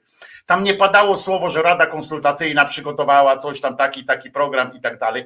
Nie, nie, po, nie pozwalały te dziewczyny przedstawiać tych, e, tych poszczególnych programów autorkom, czyli osobom z, e, z tych e, rad konsultacyjnych, tylko same wystawały na, na konferencjach tych niby naukowych nie będąc do nich przygotowanych, to wiem z pierwszej ręki, bo y, sam trochę uczestniczyłem w takim, w takim e, e, czymś, jakby widziałem, jak powstawało coś takiego i widziałem, jak potem e, był taki mm, program przyjmowany, typu weź mi to napisz w punktach, żebym, żebym nie, nie ten, dostawały wykaz w punktach i jeszcze je myliły bo na przykład w ostatniej chwili, po, po prze, przepuszczeniu tego przez tą całą radę konsultacyjną, przede wszystkim siedziała na przykład któraś z tych trzech pań w zarządzie, które były, siedziała tak, a ja się z tym nie zgadzam, mi się to nie podoba. I autora, autor ten w ogóle bez dyskusji żadnej, ona mówiła na przykład przeciwne zdanie do tego, żeby wyrzuciła, to jeszcze luz, ale ona mówiła, nie, no co wy tu pieprzycie, to musi być inaczej. I ona odwracała 180 stopni. To był problem, jeśli chodzi, jeżeli chcecie wiedzieć e, od środka, jak to wyglądało z tymi radami konsultacyjnymi. Ale Kir, znaczy ja... Kirej, naprawdę, zanim napiszesz takie zdanie, to kurczę, e, e, pomyśl o tym, bo to właśnie jest ta nienawiść teraz taka, wiecie, ja przesadzam oczywiście z nienawiścią, ale to jest to nakręcanie się teraz I wszyscy teraz KO, KO, jest, jest ta grupa, co ogóle- Hołownia coś powie, to wszyscy po Hołowni jadą. Jak ten to KO jest głupie i jest złe i ze wszystkim jest złe. I teraz strajk kobiet rozwaliło też KO, tak? I, i Gruźlica i Koklusz też KO miało i tak dalej. To piszesz też, przepraszam, ale się przyczepił Kirej, my już mamy doświadczenie z Kirejem w dyskusjach, więc się już nie obrażamy na siebie, ale jak napiszesz Kirej, na przykład mielibyście rację a propos tego marszu czwartego, gdyby liderzy opozycji zostali poinformowani o propozycji manifestacji, uzgodnili razem szczegóły i zaapelowali do swoich wyborców. A tu po prostu Tusk ogłosił swoją manifestację. No i dobra, i teraz usiądźmy, oddajmy PiSowi władzę, powiedzmy tak, a niech PiS rządzi, bo kurwa ten Tusk nie zadzwonił. Pierdziele, niech rządzi ten. No Kirej, jak na litość, naprawdę mamy się teraz o takie rzeczy kłócić. Tusk już dawno wycofał swoje billboardy. Powiedział, że już nie będzie żadnych tych billboardów dotyczących platformy, tak? Że będą tam szli, każdy pod swoją flagą będzie mógł iść i tak dalej. Ale nie, bo nie zadzwonił i tam dalej, i tak dalej, że ogłosił. Ogłosił, no bo kurczę, jakby taką, jakby wpadł na ten pomysł Hołownia, to by Hołownia go ogłosił najpierw, a potem powiedział, bo w polityce walczysz o swoje dobro, a nie tylko o, o to, żeby całą opozycję i tak dalej, nie? Także te dwie kwestie chciałem wyjaśnić. Po pierwsze, rady konsultacyjne, że ten mit taki, który nie wiem, kto zasiewa w tym wszystkim, że to Platforma Obywatelska, której jak wiecie, nie jestem wyborcą Platformy Obywatelskiej. Raz zagłosowałem na, na KLD chyba wtedy, jak tam w 90. pamiętasz, co tam było takie rozdrobnienie takie partyjne. To raz chyba na nich zagłosowałem, czy nawet nie. A a, a tak poza tym to, to nie, chyba wtedy nawet nie, ale dopiero jak w Unii w Wolności chyba był, to wtedy raz zagłosowałem, ale kurczę, ale nie można, wiecie, no wszystkiego gra do bicia i tak dalej, już nie, nie, nie róbmy po prostu. Nie, no znaczy ja już nie chcę wnikać w jakieś szczegóły i kuchnię tego, co się tam odbywało, chociaż moim zdaniem częściowo te rady konsultacyjne, żadna KO nie rozwaliło, tylko rozwaliło, jeżeli już ktoś, to raczej sekciarstwo grup, które, które mówiły, że one są czyste moralnie i to były akurat te, które ty kraj byś chyba ich najbardziej popierał, jak już o to chodzi. Już nie tak będę nazwisk wymieniał, ale to była licytacja, która jest bardziej czysty moralnie i kto sobie kogo nie życzy i się okazało nagle, że trzeba mieć w 100% słuszne poglądy i że nie wiem, wchodziła inicjatywa pracownicza i mówiła Polska socjalna, nieliberalna i liberalna to było 3 czwarte uczestników strajku kobiet. No i generalnie rzecz biorąc, to się zaczęło już wtedy jakby jakaś tam walka wewnętrzna, ale powtarzam, moim zdaniem to nie miało większego znaczenia, bo ja nawet śledziłem, muszę powiedzieć socjologicznie, dynamikę profilu facebookowego strajku kobiet, który w pewnym momencie miał gigantyczne te zasięgi, bo to było główne źródło mobilizacji. I w czasie, kiedy po prostu one pisały, idziemy pod y, dom Kaczyńskiego, zasięg 2 miliony jeden wpis. Natomiast, natomiast te wpisy na przykład o tej, o tej Radzie Konstytucyjnej, to miało 10 czy 100 razy mniejszy zasięg i ludzie w ogóle się tym nie interesowali, szczerze powiedziawszy. Ja dlatego mówię, że z różnych przyczyn to oklapło i moglibyśmy pewnie trzy godziny rozmawiać, jakie to były przyczyny. Ja tylko mówię, że gdyby to trwało nawet trzy tygodnie dłużej, to już jest gdybanie i to nie wróci. To moim zdaniem PiS mógłby się trochę posypać, nie stracić władzy, ale w tej sprawie mógłby ulec i żałuje po prostu. I tak samo wracając i trochę rozszerzając naszą dyskusję, czy zmieniając temat, gdyby w, w również w walkach, moim zdaniem równie ważnych. Przepraszam, przepraszam, jeżeli zmieniasz temat, ja jedno tylko dopowiem do twojego, że to, co powiedział Piotrek, mam nadzieję i wierzę w to, że nie powiedział tego, że nie należy przy okazji robić takich akcji jak te rady konsultacyjne i tak dalej. Bo to, że one mają 10 razy mniejszy zasięg, to i tak miały 100 razy większy zasięg niż jakby ich nie było, rozumiecie? To, to i tak ludzie się dowiadywali dzięki temu, bo rada konsultacyjne, te społeczne rady, przypomnijmy tak, to dobrze Julo przypomina, że one były społeczne i bardzo dobrze, one prowadziły duży, naprawdę duży, duży zamiąg. A no i to ultimatum, pamiętacie, pyta Julo, no ale to właśnie był jedyny, to nie była decyzja ruchu to nie była decyzja ruchu i też nie była decyzja Platformy Obywatelskiej. Kurczę, to była ambicja, uniesienie się ambicją już wtedy bardzo odklejonych od, od tych dołów również tej sytuacji. Czyli Lipki rozwaliły, nie właśnie Kirej, zdziwiłbyś się, właśnie antylipki, antylipki rozwaliły to, naprawdę, Kirej, Dokładnie. My tutaj o tym rzadko gadamy z Piotrem, bo to nie jest nasza wewnętrzna sprawa, w sensie ja nie będę uczył kobiet, jak mają prowadzić działalność, ale jeżeli pytacie o historię, pytacie o fakty z historii, to wam mówię, nie lipki rozwaliły y, te, te organizacje. I y, na przykład jeśli chodzi o to ultimatum, to na przykład ultimatum nie wyszło w ogóle z dołów, y, z dołów strajku kobiet. Absolutnie. Dziewczyny zdziwione były ultimatum, które postawiła Marta Lempart tam wtedy, że jak nie, jak nie to, to tamto. Były zdziwione. To nie było nic już ustawiane. To była wtedy już organizacja to już tak jak powiedział Piotrek, to już był koniec, to już był po prostu już taki schyłek, e, e, to już było miotanie się e, po prostu kobiety. Kto to rozwalił? To już ja mówię, to, to, to się zajmą tym socjologowie i będą analizowali, analizowali od środka. Ja wam mówię to, co wiem z pierwszej ręki, bezpośrednio, ale nie będę też mówił kobietom, jak mają e, żyć, jak mają, e, jak mają protestować i tak dalej. Pytać o fakty, więc wam mówię. Mówię, mówię, nie chcę wchodzić w personalia, generalnie mnie wywalił powiedzmy radykalne skrzydło, które dzisiaj jest blatowane za PZZ-em, jak już miałbym konkretnie. Więc to w ogóle są klimaty, moim zdaniem zaczęła się walka o wpływy dosyć brudna, jak to bywa zresztą w momencie, kiedy jest wolna ręka i zaczyna się trochę rozchodzić. Skończyło się tak, że mnóstwo ludzi się nawzajem powywalało i zostało z tego to, co zostało, czyli nic. Natomiast ja nie, jakby nie chcę tutaj wchodzić w te brudy, bo ich już nawet nie ma, że tak powiem. Natomiast to jest charakterystyczne, zwróćcie uwagę jeszcze, co jest charakterystyczne, na przykład tutaj, dzisiaj, teraz, E, o tym strajku kobiet gada czterech facetów z grubsza. Piotrek, e, e, ja, Kire i Julo. Na przykład Julo, który teraz napisał, że bo lipki były, nie, bo jak to jest, bo doły były antylipkowe. Wcześniej, wcześniej na podstawie czego to mówisz? Wcześniej mówisz o tym, że y, u, y, u, podstaw upadku tego wszystkiego był, e, był polityka, była polityczność i tak dalej.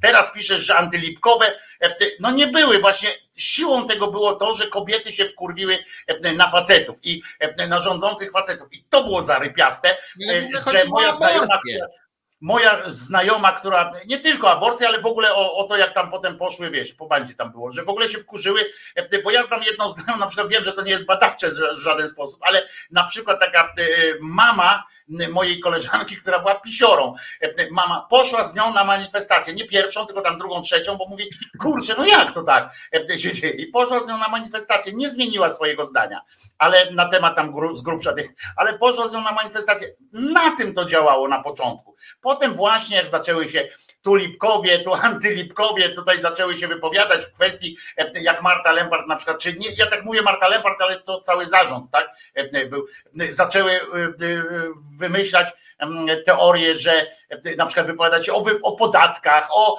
o o, o czymś jakimś takim. To, to te kobiety, które tam przyszły, które przyszły właśnie tak z gruntu wkurzone, że faceci odpieprzcie się od nas, tak jak było wypierdalać. Faceci odpierdolcie się od naszej dupy, krótko mówiąc, naj, najkrócej mówiąc, e, to nagle stwierdziły, ojej, w czym ja jestem tutaj? Tu nagle o podatkach się mówi, nagle się mówi o, e, o, o, o Bogu, czy mam wierzyć w Boga, czy mam nie wierzyć w Boga, nagle się zaczyna wieść, a, a sprawa była prosta e, na początku i wtedy były wszystkie razem. Ale tak naprawdę, tak naprawdę to zobaczcie, też to pokazuje, że faceci teraz dyskutują z największą namiętnością o tym, jak się strajk kobiet rozwalił. Jak chcieliście tych kilku szczegółów, no to wam powiedziałem, jak to było i Kirej, naprawdę uwierz mi, że to nie, nie, nie KO rozwaliło od środka te, te, te, instytucje, choćbym też chciał, bo byłoby mi łatwiej. Jakby tak było. Piotruś, ty mówisz o zmianie tematu. Jest 35, za dwie minuty będzie godzina papieska. Może w tym czasie fajnie, jakby z naszego głośnika e, e, ryknął jakiś e, szatan. Tak sobie myślę. Jan Paweł II jakby nam zaśpiewał. No, to by było w ogóle, ale growlem, pod warunkiem, że growlem. Natomiast może byśmy poprosili w takim razie przerywnik muzyczny na fajeczkę i walnijmy sobie po ZUSie jednym. Słuchasz Resetu Obywatelskiego.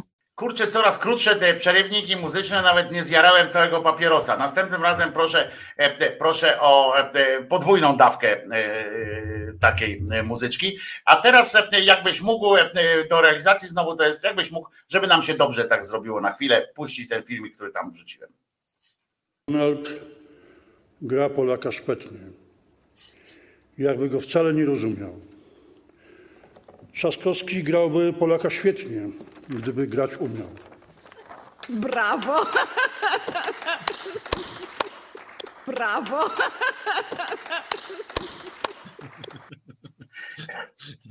I to jest taka prawda o polskim Sejmie. Dodam tylko, że ten pan w ciągu jednego dnia przeszedł z resortu rolnictwa, gdzie był sekretarzem stanu, na sekretarza stanu do Ministerstwa Kultury i Dziedzictwa Narodowego. Od razu mu się zeszyt z wierszami otworzył, jak widzicie. Piotruś, to jest Piotruś Szumlewicz, lewa strona e, Resetu Obywatelskiego, członek współzałożyciel, współprzewodniczący Związku Zawodowego Związkowa Alternatywa, a co środę e, przeistaczający się o godzinie 17 w autora i e, głównego sprawcę programu audycji Czas na Związki, na który serdecznie zapraszamy w każdą środę o 17, przypominam. A ja jestem Wojtko Krzyżania, głos szczerej słowiańskiej szydery i ze mną z kolei możecie się spotykać codziennie od poniedziałku do piątku o godzinie 10 rano na kanale Głos Szczerej Słowiańskiej Szydery. Piotruś miał temat znaczy ja może zacznę od anegdoty, bo ta pierwsza część była taka bardzo merytoryczna, socjologiczna i żeście się jeszcze nas zdenerwowali, mając jakieś swoje inne koncepcje niż nasze. Więc powiem anegdotę, która prawdopodobnie was trochę może rozbawi, bo mnie rozbawiło to, co się zadziało.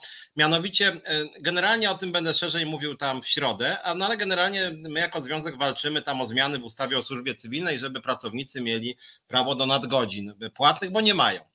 No już mniejsza o szczegóły, mówię o tym powiem w środę, no ale generalnie rzecz biorąc, myśmy tam e, wywalczyli, że najpierw Ministerstwo Finansów trochę po naszej myśli, a później po moich naciskach i konsultacjach Lewica przedstawiła jeszcze tam inny projekt, który bardziej wychodzi naprzeciwko naszym oczekiwaniom. No i generalnie pojawiła się e, wojna o to, czy my coś, do, e, Solidarność nas strasznie wkurzyła, że im się, bo oni mają swoją władzę, im się nic nie udało, no a wyszło na to, że nam się coś zaczęło udawać. No i generalnie rzecz biorąc, tam pojawiła się dyskusja na stronie oficjalnej Solidarności, gdzie oni mają takie skarbowcy.pl, to jest skarbówka Solidarności z takim czcigodnym liderem, który jest obok Piotra Dudy. No i tam dyskutują, czy ta związkowa alternatywa dobrze działa, e, czy niedobrze działa, i w pewnym momencie, jak już e, czy to te nadgodziny będą, czy to jednak źle dla pracowników, czy dobrze, to szef tej Solidarności w skarbówce napisał: Słuchajcie, ale przede wszystkim, czy wy popieracie związek, i postulaty związku, którego lider, niejaki pan Piotr Szumlewicz, publicznie powiedział, że nie jest dumny z bycia Polakiem. I mówię, na oficjalnym forum skarbówki, e, po czym najbardziej zabawne było to, że generalnie ludzie Solidarności się od niego odwrócili. Znaczy nie zgodzili się, że było to, bo, bo tak jak mówię, była to dyskusja wewnętrzna o tym, czy mają być czy mają być nadgodziny, nie? Płatne czy bezpłatne, a on palnął, że my jesteśmy źli, bo ja nie jestem dumny z bycia Polakiem. Na dodatek jeszcze słuchajcie, bo przyznam szczerze, zawsze mi się wydawało absurdalne, jak można być dumnym z bycia Polakiem. E, I najśmieszniejsze jest to, że na stronie Solidarności ktoś mnie w całości zacytował, ja w ogóle tego cytatu nie pamiętam, bo to chyba było sprzed pięciu lat. Wyszło, że ja w ogóle jak jakiś Chrystus powiedziałem, tak sobie w ogóle pomyślałem, że chrześcijański związek zawodowy to w ogóle powinien mnie poprzeć, bo ja powiedziałem coś takiego, że nieważne, czy jestem, czy ktoś jest Irańczykiem, Węgrem, Polakiem, Rosjaninem, czy tam, nie wiem, e, e, Birmańczykiem, ważne jest to, czy czynimy dobro, czy zło, często wbrew większości naszych narodów, więc już tak Chrystusem pojechałem, że w ogóle aż byłem sobą zaskoczony, bo jakoś dawno temu to było. Natomiast no ja chciałem to... przypomnieć, że ty tutaj w tej audycji chyba ze dwa tygodnie temu, czy trzy tygodnie temu, e, też a propos, e, nie pamiętam czego e, rozmawialiśmy, bo ktoś tam dostał nagrodę właśnie jakąś, czy coś takiego i mówiliśmy o tym, że i ty mówiłeś też właśnie w tym samym stylu, że, że co to za, o, o naziolach coś tam mówiliśmy, jakichś Bąkiewiczach czy o czymś właśnie mówię, co to za w ogóle osiągnięcie życia, nie? że jestem Polakiem, bo tam ktoś napisał, że jestem Polakiem, jestem z tego dumny. A, wiem, Kowalski tam pamiętasz, mówi, jestem Polakiem, jestem z tego. I, I ty na to też powiedziałeś, co to za osiągnięcie życia być Polakiem, nie?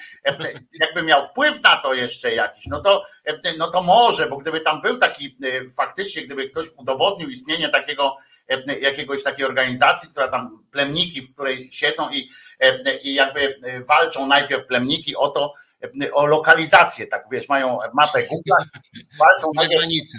gdzie się tam pojawią, nie? No to jeszcze bym to jakoś tam przyjął, że faktycznie bardzo mu zależało, walczył i tak dalej, nie? Ale tak, no to faktycznie jestem dumny z tego, że jestem Polakiem. To, wiesz, no to można, no, nikt mu nie zabroni, nie? No, można być dumnym z tego, że ma się dwie, dwie, że udało się złapać, znaleźć dwie takie same skarpety. Rozumiesz, no, no, no, no różne rzeczy mogą być dumne, można być dumnym, tak jak Anglicy, na przykład niektórzy Anglicy są dumni, że, że są monarchią, nie? To też jest, bo badania tam były, przeczytałem niedawno, że tam jakaś absurdalna dla mnie grupa ludzi w Wielkiej Brytanii jest dumna z tego, że są monarchią, nie? I tak sobie myślę, no super, nie? Że ktoś tak usiadł i pomyślał, to, to można Dumny jestem, że moim panem jest Jan Zamojski, nie? Dumny jestem, bo jakby, jakby był inny, to ja bym był mniej dumny, bo coś tam. Oczywiście, że można. Ja pamiętam tę straszną akcję, którą się spotkała przecież Maria Peszek, prawda, jak to śpiewała Nie będę dla ciebie umierała Polsko.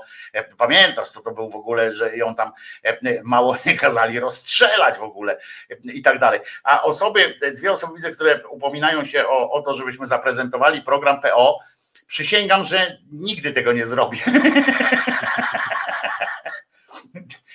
Nie, nie znam programu PO, w sensie, jeżeli ktoś się mnie ten, no nie wiem, czy to do nas ma, nie wiem, Piotr, może ty się czujesz jakoś, nie wiem, wywołany szczególnie. Ja, że, jestem czy jest jakiś obowiązek, żebyśmy znali program PO? Nie, nie wiem, nie wiem. Jestem, jestem bezpartyjny, natomiast jakby próbujecie na siłę nas zmusić, żebyśmy jednak po tej opozycji jeździli, a jak po niej jeździmy, to mówicie, że przez nas PiS wygra wybory. No to się na coś zdecydujcie. Znaczy ja uważam, że rzeczywiście jest tak, że opozycja ma problem z takim całościowym programem, ale być może to w ogóle jakby partie na wielu obszarach starają się być taką elastyczne, żeby móc ten program sobie na bieżąco zmieniać pod publikę. Trochę mi się to nie podoba, ale ja też może dlatego nie jestem w Sejmie.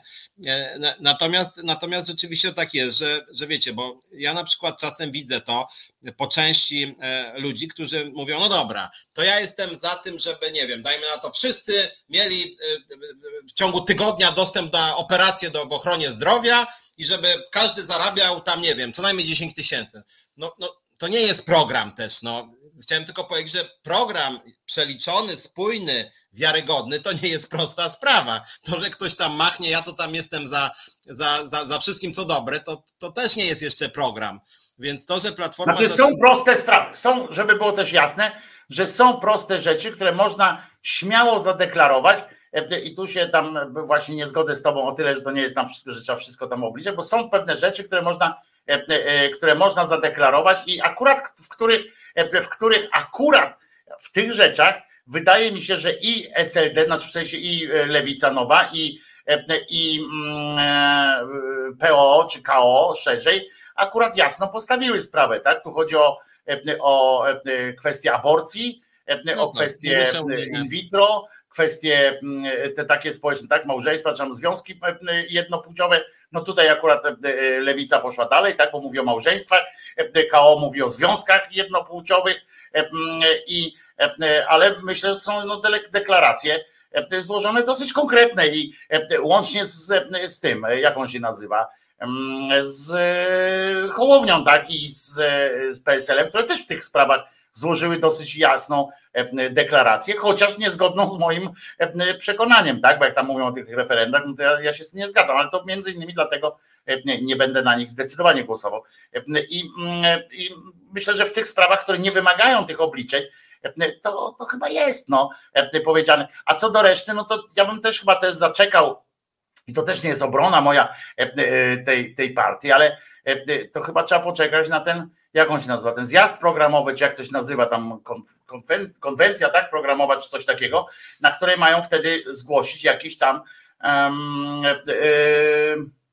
jakoś tam te swoje główne takie osie programu, tak, no bo, bo, bo tak naprawdę to z tego co pamiętam, to PiS jak dochodził do władzy, to też nie zgłosił całościowego programu, tylko zgłosił pewne punkty, które będą stanowiły jego oś taką, tak? Czyli tam te 500 plus, coś jeszcze, potem aborcje, tak, że, że zlikwidują aborcję, że, że na wojsko postawią, coś mieli jakieś kilka takich punktów, z tego co pamiętam, za tym pierwszym razem, jak tam szli, a resztę, no to dopasowywali, już na przykład przecież nie mieli w programie wyborczym złamania konstytucji i rozpieprzenia jakiegoś tam systemu i, i tak dalej. Więc, więc oczywiście, że do końca jak PO wygra, czekało, to też nie będziemy mieli do końca pewności, czy na przykład pod płaszczykiem ślicznych idei, na przykład nie zrobią tak, że wprowadzą, że faktycznie powiedzą tak, obiecaliśmy to macie i faktycznie związki jednopłciowe, aborcja na życzenie do, do 12 tygodnia, in vitro za darmo i tak dalej, ale oprócz tego na przykład będziecie mieszkać w zamkniętych strefach. Nie wiemy, czy, czy nie wpadną na tak. Znaczy, no domyślam się, że nie akurat, ale, ale wiesz, no, no albo na przykład, że powiedzą, a sądów nie będzie, tylko będą sądy kapturowe. Natomiast, natomiast jest prawdą moim zdaniem, że opozycja ma problem i to jest mój zarzut do nich e, z programem społeczno-gospodarczym i to dotyczy dokładnie tak samo lewicy, jak i PO czy PSL-u. E, ja powtarzam to często w swoim programie. Uważam, że kompromitująca deklaracja Czarzastego że zostawimy wszystko, co PiS dał, wszystko, co PiS dał. Jak ja to słyszę, to już nie chcę mi się reszty słuchać, bo to czyni go totalnie niewiarygodnym, bo jeżeli zostawia wszystko, to znaczy, że tak naprawdę nic nie zmieni, bo nie chce podnosić podatku, w związku z tym, związku z tym to jest populizm czysty. W związku z tym, no jakby żadna partia potem, niestety, mówię to z przykrością, bo ja bym, ja oczekuję od opozycji, jeżeli tego mi brakuje, żeby oni mieli takie swoje 500+, plus, czyli oni mówią na, na przykład, to co ja, już można się ze mną nie zgadzać, na przykład to, co ja bardzo ważne, posiłki w szkołach dla wszystkich dzieci wysokiej jakości i na przykład redaktor pisze, no dobra, e, a, a, a co na przykład z 500 plus? No nie wiem, mamy to w nosie. A co na przykład z 14 emeryturą? Mamy w nosie. Nam chodzi o posiłek darmowy dla każdego dziecka. Zrozumiał pan czy nie? I to mówił PiS. PiS mówił faktycznie 500 plus. A co będzie z czymś tam? A nie wiem, no to jeszcze się, to dopracujemy, nie? I takich, I takich kluczowych programów ani w lewicy, ani w koalicji nie ma. To akurat jest fakt. I mi, mi osobiście tego brakuje. Oni być może w jakichś badaniach to nie wyszło, zgoda, na tym każdy powinien mieć swojego takiego game changera, takiego tak, trochę. Tak, tak, tego brakuje w polityce społeczno-gospodarczej. No, oczywiście, że tak. No, ja uważam na przykład, że, że takim czymś, bo ja mam pierdolca na tym punkcie, przyznam, ale ja e, chciałbym na przykład jeden z takich punktów uznać za e, na przykład leczenie dzieci, tak? W sensie e, choroby rzadkie, że nie ma w Polsce E, możliwości, żeby, żeby trzeba było zbierać tam na leczenie e, za granicą i tak dalej, bo że każde dziecko musi być opłacone. To jeszcze by trzeba opracować, bo wiadomo, że ja tutaj, wiesz, hasłowo to rzucam, e, nie jestem fachowcem od obliczania i tak dalej, tych wszystkich rzeczy, ale coś takiego bym zrobił, na przykład, że nie ma, nie wiem, ja się dziwię na przykład, że Trzaskowski w kampanii prezydenckiej nie użył tego argumentu, tak? Nie podpiszę żadnej ustawy, dopóki nie, nie, nie trafi na mój stół ustawa lecząca wszystkie dzieci, nie? I koniec. I, I nie wiem, jak oni to zrobią, jako prezydent nie wiem, jak oni to zrobią. Niech się kurczę e, zbiorą do cuzamen do kupy wszyscy, e, e, pomyślą nad czymś, ale ja nie podpiszę żadnej ustawy do czasu, kiedy nie dostanę na stół tej właśnie ustawy o dzieciach. I kurczę, jestem przekonany, że że Dudę postawiłby Dudę w bardzo kłopotliwym, kłopotliwej sytuacji, że on przez te ileś lat nie zrobił tego jeszcze i tak dalej, nie? ale to mówisz. A co do programów, naprawdę ja, ja też nie wiem, jakbyśmy, nie wiem, czy ktoś sprawdzał na stronach PiSu, czy oni mają jakiś taki całościowy program opisany? Ostatnio mówili, że nie. Zakładam, że też nie mają takiego całościowego. Tu ktoś bardzo dobrze napisał zresztą, że wygrywa się, przepraszam, nie mogę tego znaleźć, że w każdym razie nie, nie, nie wygrywa się programami, tylko wygrywa się narracją. I o, Marek Jurkiewicz to napisał, wygrywa się nie programem, a narracją. I niestety, niestety, niestety możemy mówić, że, że taka jest prawda, no, że czy to jest, czy, czy zostało to, to co było pierwsze jajko czy kura, czy powinniśmy jednak na programy. Programów też, prawda jest taka, że programów też ludzie podobno nie czytają, to z jakichś tam badań wyszło, tak?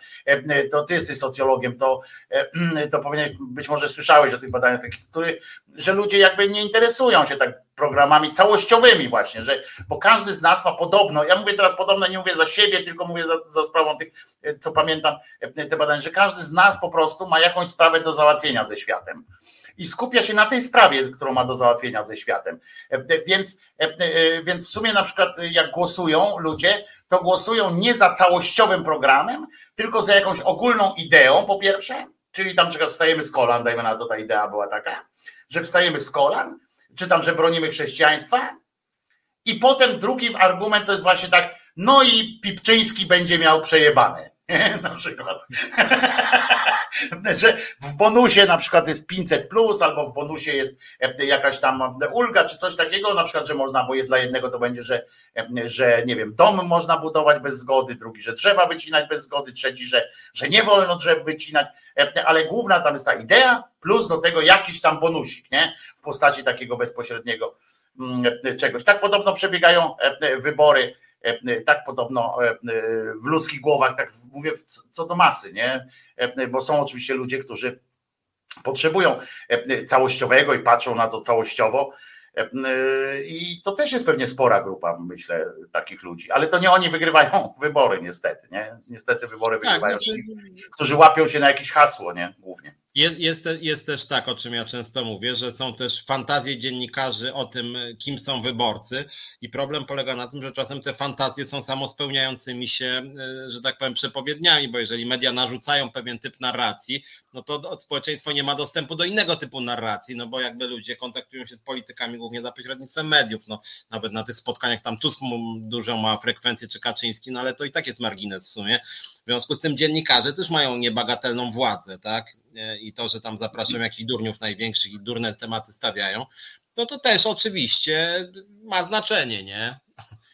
Na to, kto ja głosuję. Niestety tak. Wiecie, że w Polsce można wygrać wybory jeżdżąc i mówiąc, że E, że widziało się trzech ludzi, którzy przeżyli wypadek z samolotu, nie? Przecież tak. E, rozumiecie, my się śmiejemy czasami e, tutaj z wystąpień tam różnych, z różnych idiotów, takich wiesz, takich, co się na nich kosmici mówi, tak? Że tam pani prezydent jest jakaś taka Gerlach, czy jak ona się tam nazywa, że są tacy ludzie, dziwni, nie? Albo patrzymy na szczęść Boża, na szczęść Boż Brauna i sobie myślimy, mówimy, no ja pindole, co to za, za odjazd, nie?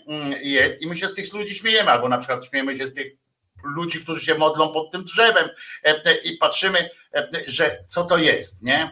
A potem sobie zdajemy sprawę, że kilka takich osób siedzi w Sejmie i to wcale nie w, nie w tych ławach obok tam, że e, Szczeń, Bosch Brown i Korwin Mikke i jego ich reszta, tylko właśnie nie, tylko jeden jest ministrem, drugi coś tam, że to są ludzie, którzy dla których, dla których nie, którym nie przychodzi z żadną trudnością e, pindolenie różnych spraw, a my się śmiejemy czasami tutaj. Wrzuciłem jeszcze jeden filmik e, z panią prezydent, e, rozumiesz, na przykład z taką właśnie kosmitką. Może posłuchamy, co kosmitka ma do powiedzenia. Do państwa Teresa Garland, prezydent elektorski Rzeczypospolitej Polskiej. Mówię do Państwa w dniu 22 maja 2023 roku. Szanowni Państwo, Pragnę Was ostrzec przed dentystami. Wydaje się, ja tak przypuszczam, że działają oni w celu realizacji nowego porządku świata i być może mogą nawet używać ich e, po prostu pracy, e, czyli e, pracy z zębami, do zaczipowania wszystkich Polaków. Chcę Państwa ostrzec. Tak. Jezu, kim ta pani jest? To jest pani Gerlach, e, Garland, znaczy się. Ona jest autentycznie w życiu publicznym. Ona była e, na, e, na, na listach Konfederacji, pokłóciła się, tylko dlatego nie jest w Sejmie teraz, że pokłóciła się ze Szczęść Boż Braunem czy z kimś innym tam i on zrzucił z tej jedynki, ale ona byłaby w Sejmie. Ona występowała na komisjach parlamentarnych w obronie Polaków przed chemitrails i tak dalej i jest E, e, miała polską, Fidesz Polska taka partia była, e, znaczy nie doszło do zarejestrowania tej partii, ale Fidesz Polska. I, mm, i teraz to jest tam ruch jakiś tam Polska Katolicka czy coś takiego, bo ona postuluje, to jest pani elektorski prezydent, no nie do końca wie, co oznacza elektorski, ale z tego co widać, ale, ale jest elektorskim prezydentem, która sugeruje, że Polska w Polsce powinno przede wszystkim e, być ustrój polski powinien być e, oparty o prawo naturalne, prawo naturalne pani zdefiniowała konkretnie, pewnie konkretnie tak ten, jako to, które cofnęła do Tomasza Zakwinu. Także, także to jest ta sytuacja. I to pani jest normalnie w życiu publicznym. Co prawda, raz była próba podjęta za podjęcia, taka próba E, zaproszenia jej na badania psychologiczne, nawet dostała taki e, wyrok jakiś, nie, że powinna się stawić do szpitala psychiatrycznego, ale odmówiła, korzystając ze swoich obywatelskich, słusznie zresztą, e, praw i poszła do Sejmu, chciała. Skoro nie tam, to, to tam. No tak, a ja w ogóle dzisiaj zajawiałem nasz program o tym, co mnie zainspirował Rzecznik Praw Dziecka o najgorszych urzędnikach, bo swego czasu mówiliśmy o najgłupszych politykach, no a pojęcie urzędnika jest trochę inne, bo chodzi mi o osoby, które zajmują jakieś ważne stanowiska w życiu publicznym, e, państwowe czy samorządowe. No i rzeczywiście ten Rzecznik Praw Dziecka mnie zainspirował tym, że jak pewnie słyszeliście... Przepraszam bardzo, przepraszam bardzo, można prosić e, realizację tam, żeby e, wyciągnęła pana Sabajuba z czatu, tak?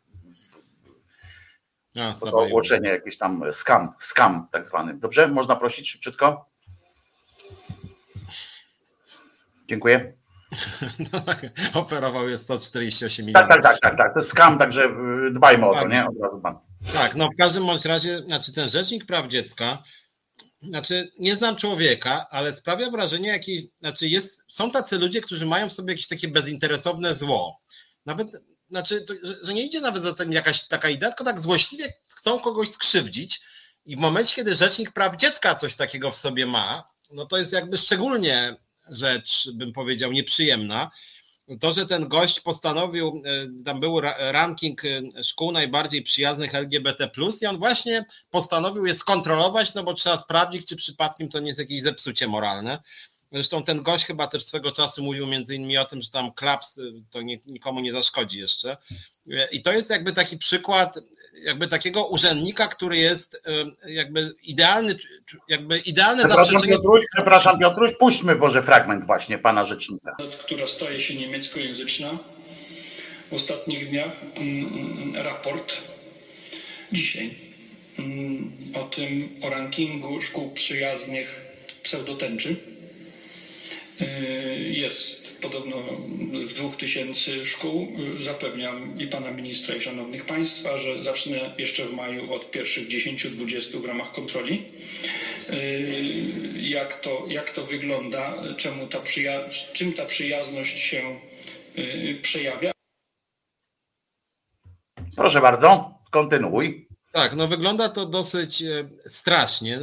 Tym bardziej, że nawet jak się jest czarnkiem, czy właśnie tym panem, to jednak no generalnie się wie o co chodzi. No chodzi o to, żeby właśnie na przykład dzieci, dzieci bywają okrutne, e, różne są formy stygmatyzacji, dyskryminacji, więc te szkoły rozumiem dbają o to, żeby wszystkie dzieci niezależnie od orientacji seksualnej czy tożsamości seksualnej czuły się dobrze po prostu. I tego, i jakby z nas wypowiedzi... To muszę ci, to muszę ci, y, muszę, przepraszam, muszę wtrącić, bo chodzi o ten ranking, tak? Na czym polega w ogóle? To są szkoły, e, to e, część z tych szkół dostaje, e, to są szkoły ogólnie bardzo bezpieczne. One dostają takie często nagrody, czy są same jakby przez uczniów samych i tak dalej, że tam to są bezpieczne szkoły, że one się czują te dzieci bezpiecznie. Organizacja, która przeprowadziła ten dodatkowy ranking, to e, przeprowadziła w konkretnych właśnie cechach, o których mówisz, e, ale e, czyli bezpieczeństwa opartego też o seksualizację, bo przypomnijmy, że wbrew temu, co jak utrzymuje ten rząd w tych swoich pseudo ustawach, seksualizacja to nie jest informowanie dziecka o, o, o tym, co, co, co to jest siusiak, co to jest e, cycuszki, co to jest tamten, jak się zachowuje, jak się bzykać, jak się masturbować, to w ogóle nie o tym jest seksualizacja, moi drodzy, to jest e, jedna ze złych rzeczy e, opisana i przez, nie wiem, czy no przez te organizacje międzynarodowe, zakwalifikowana jako jeden z elementów mowy nienawiści, czy mowy przemocy. Otóż seksualizacja, moi drodzy, to jest ocenianie człowieka przez pryzmat jego płci. To jest tylko tyle. Że jeżeli ja do którejś, ja do którejś z pań bym powiedział, że pani na przykład by przyszła do mnie, ja mam firmę hydrauliczną, ona przychodzi do mnie i chce pracować, a ja mówię, nie, no to kobieta się tu nie nadaje, to to jest seksualizacja właśnie, to jest nadawanie, na przykład to jak ja powiem na przykład, że e, hydraulikiem to może być tylko, o, to jest też dobre, że kierowcy mogą być tylko faceci, są kierowcami. To to jest seksualizacja jakiegoś tam miejsca. Dobra, Piotr, wracaj, przepraszam, że ci przerwałem, ale myślę, że to ważne było wytłumaczenie. Tak, tak, Te szkoły nie, no. są bezpieczne. Te szkoły Tak. są bezpieczne, nie, nikt nie ocenia tam w tych szkołach. Dzieci się czują nieoceniane ze względu na różne rzeczy. Tam w tych szkołach też są dzieci z niepełnosprawnościami, e, dzieci różnie, e, różnie reagujące. Tak, i to znaczy, bo, bo my możemy sobie tu część osób, bo to jest na swój sposób śmieszne to, co on wyprawia, ale niestety on ma pewną władzę też kontrolną, on jest też bliski Czarnkowi, więc to jest generalnie taka no, otwarty tekst w gruncie rzeczy. Wy w tych szkołach, jak chcecie dbać o bezpieczeństwo, to lepiej uważajcie, bo dostaniecie może karę finansową, a może tam będziemy permanentnie czegoś szukać na was. W związku z tym, tym bezpieczeństwem, to jednak lepiej, żeby te dzieci nie czuły się najlepiej, jak tam mają, nie wiem, jak są, nie wiem, homoseksualne, czy jak coś tam są niewyraźnie męskie czy kobiece, to lepiej uważajcie, bo my tym dzieciom piekło zrobimy. W związku z tym lepiej nie, nie fikajcie, lepiej zachowujcie zdrową dyskryminację, to wtedy będzie wszystko spoko.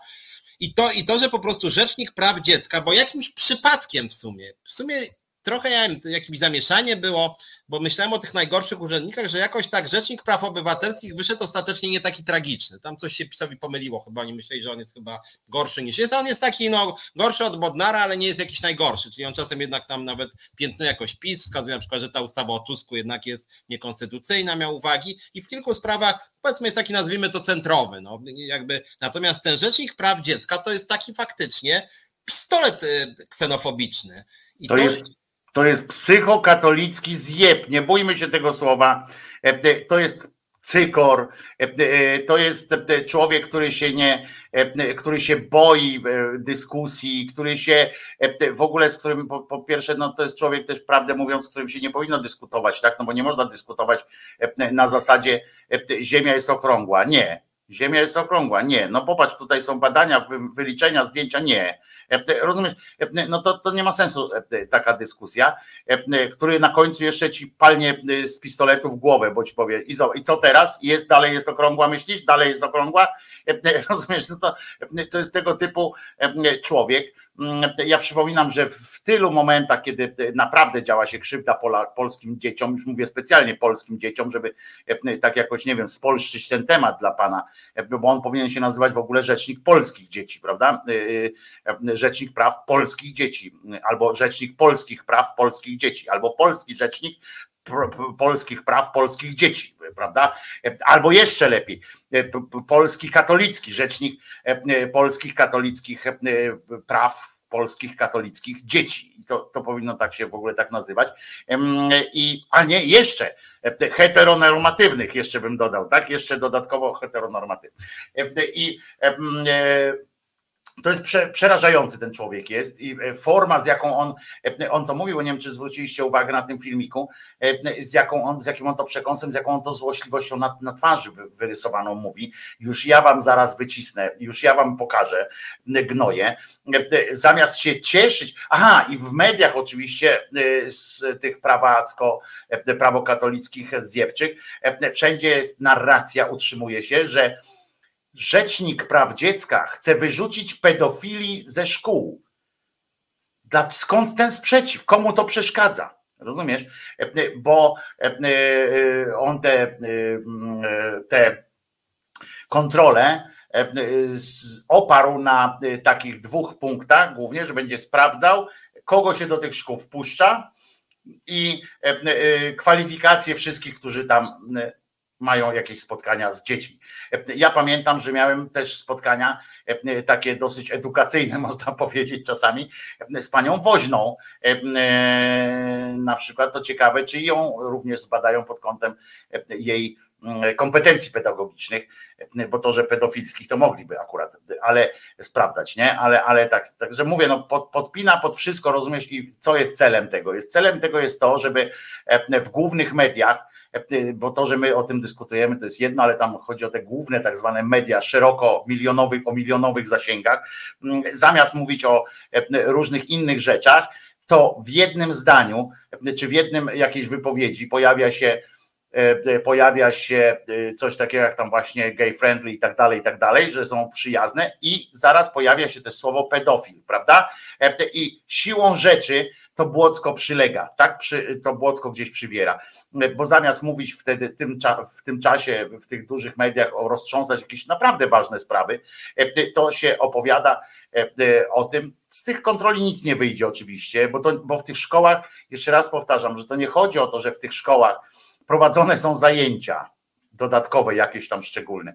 To nie na tym polega ich przyjazność. Ich przyjazność polega na tym, że jeżeli miałyby się spotkać z jakimś, z jakimś e, takim brzydkim zachowaniem, to się w tych szkołach rozmawia o tym e, po prostu. E, to się przygotowuje tych uczniów. Mało tego, rozmawia się w sporej części tych szkół, bo, bo poznałem, rozmawia się, wciąga się też do tego procesu rodziców w sensie, że właśnie chodzi o to, żeby nie było piętnowania. Tam ci rodzice są edukowani z kolei przez tych młodych którzy, bo często jest tak, że przecież o tym, jak tam e, przychodzą dzieci i są, e, są e, niebezpieczne dla odmiennych, dla dzieci o innych, innych niż one, to wynika z tego, że rodzice przy stole często nie bezwiednie, nie wiedzą, to nie jest tak, że Jasiu pamiętaj, że geje są źli, tylko chodzi o to, że oni oglądając jakiś program, coś tam a to pedał straszny, czy coś takiego, to co się bierze potem przecież, to dziecko samo z siebie nie myśli jak, hmm, pedał, hmm, wymyślę to słowo, nie, to, to nie jest tak,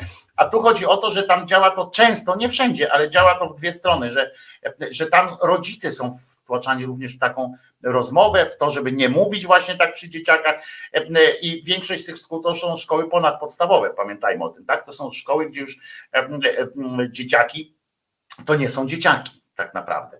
Ja jestem bardzo za takimi szkołami, uwielbiam je i, i, i to jest przyszłość światowej w ogóle edukacji, to jest przede wszystkim nastawienie na osobowość, a nie na, nie na wiedzę taką stricte i mm, na kompetencje po prostu, e, e, możliwości zdobywania wiedzy i tak dalej, i tak dalej, a nie na sam fakt pamiętania jakiejś daty e, i, i, i czy, czy, czy formułki. I to by było fajne. No. I dlatego mówię, to oczywiście może martwić. Te szkoły w większości też powiem, że nie są we władzy ministerstwa de facto, bo, bo są samorządowe często szkoły, znaczy są to szkoły społeczne albo jakieś takie w tym zestawieniu akurat, nie? ale bardzo dużo jest też szkół, na które niestety ma wpływ. Mm, no i jeszcze jedno zdanie, chcę przypomnieć, że minister taki jest chyży do tego, żeby e, żeby oceniać e, i żeby wysyłać tam w ogóle, pamiętam, zwróć uwagę, że ten rzecznik, nie do rzecznik praw dziecka, on się odezwał do ministra jak, jak jego pracownik zapewniam pana ministra, że zaraz wykonuje tam odpowiednie te rzeczy. To nie jest, ja chcę, żebyście wiedzieli, to, to nie jest podległa e, funkcja, on jest konstytucyjnym, znaczy on jest, on jest obok, on jest jakby wyjęty spod tego. On ma właśnie o to chodziło, żeby on patrzył na ręce władzy, e, między innymi jak realizuje w praktyce to, co e, ma chronić polskie dziecko nie rodzinę, tylko tak jak często Piotr mówi, zauważa, nie rodzinę, nie, nie ten, tylko dziecko, kurwa, on jest konkretnie od, od dziecka. I jak rodzina daje dupy, to on ma wyjąć to dziecko z tej rodziny i powiedzieć, rodzina dała dupy i zabieram to. Nie w obronie szkoły, tylko dziecka w tej szkole. Rozumiecie? Czasami jest to zgodne, czasami e, można to połączyć, ale jeżeli jest sprzeczny interes szkoły i ucznia jakiegoś, no to on ma stanąć po prostu po stronie ucznia i nie dyskutować tam, a może byśmy coś tam jednak. Nie, pan uczeń ma rację.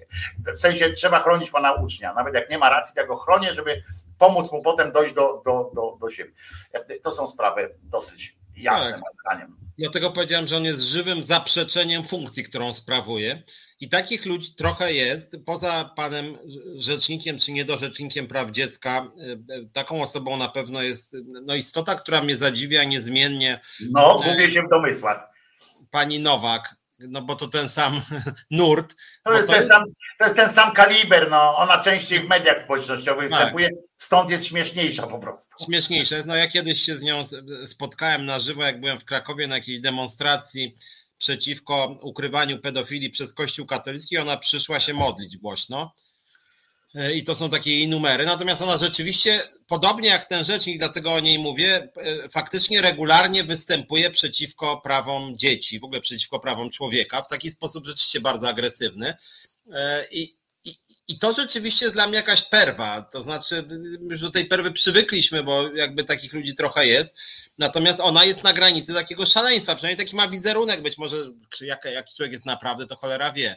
Natomiast... Nie, jest, na grani- jest poza granicą szaleństwa.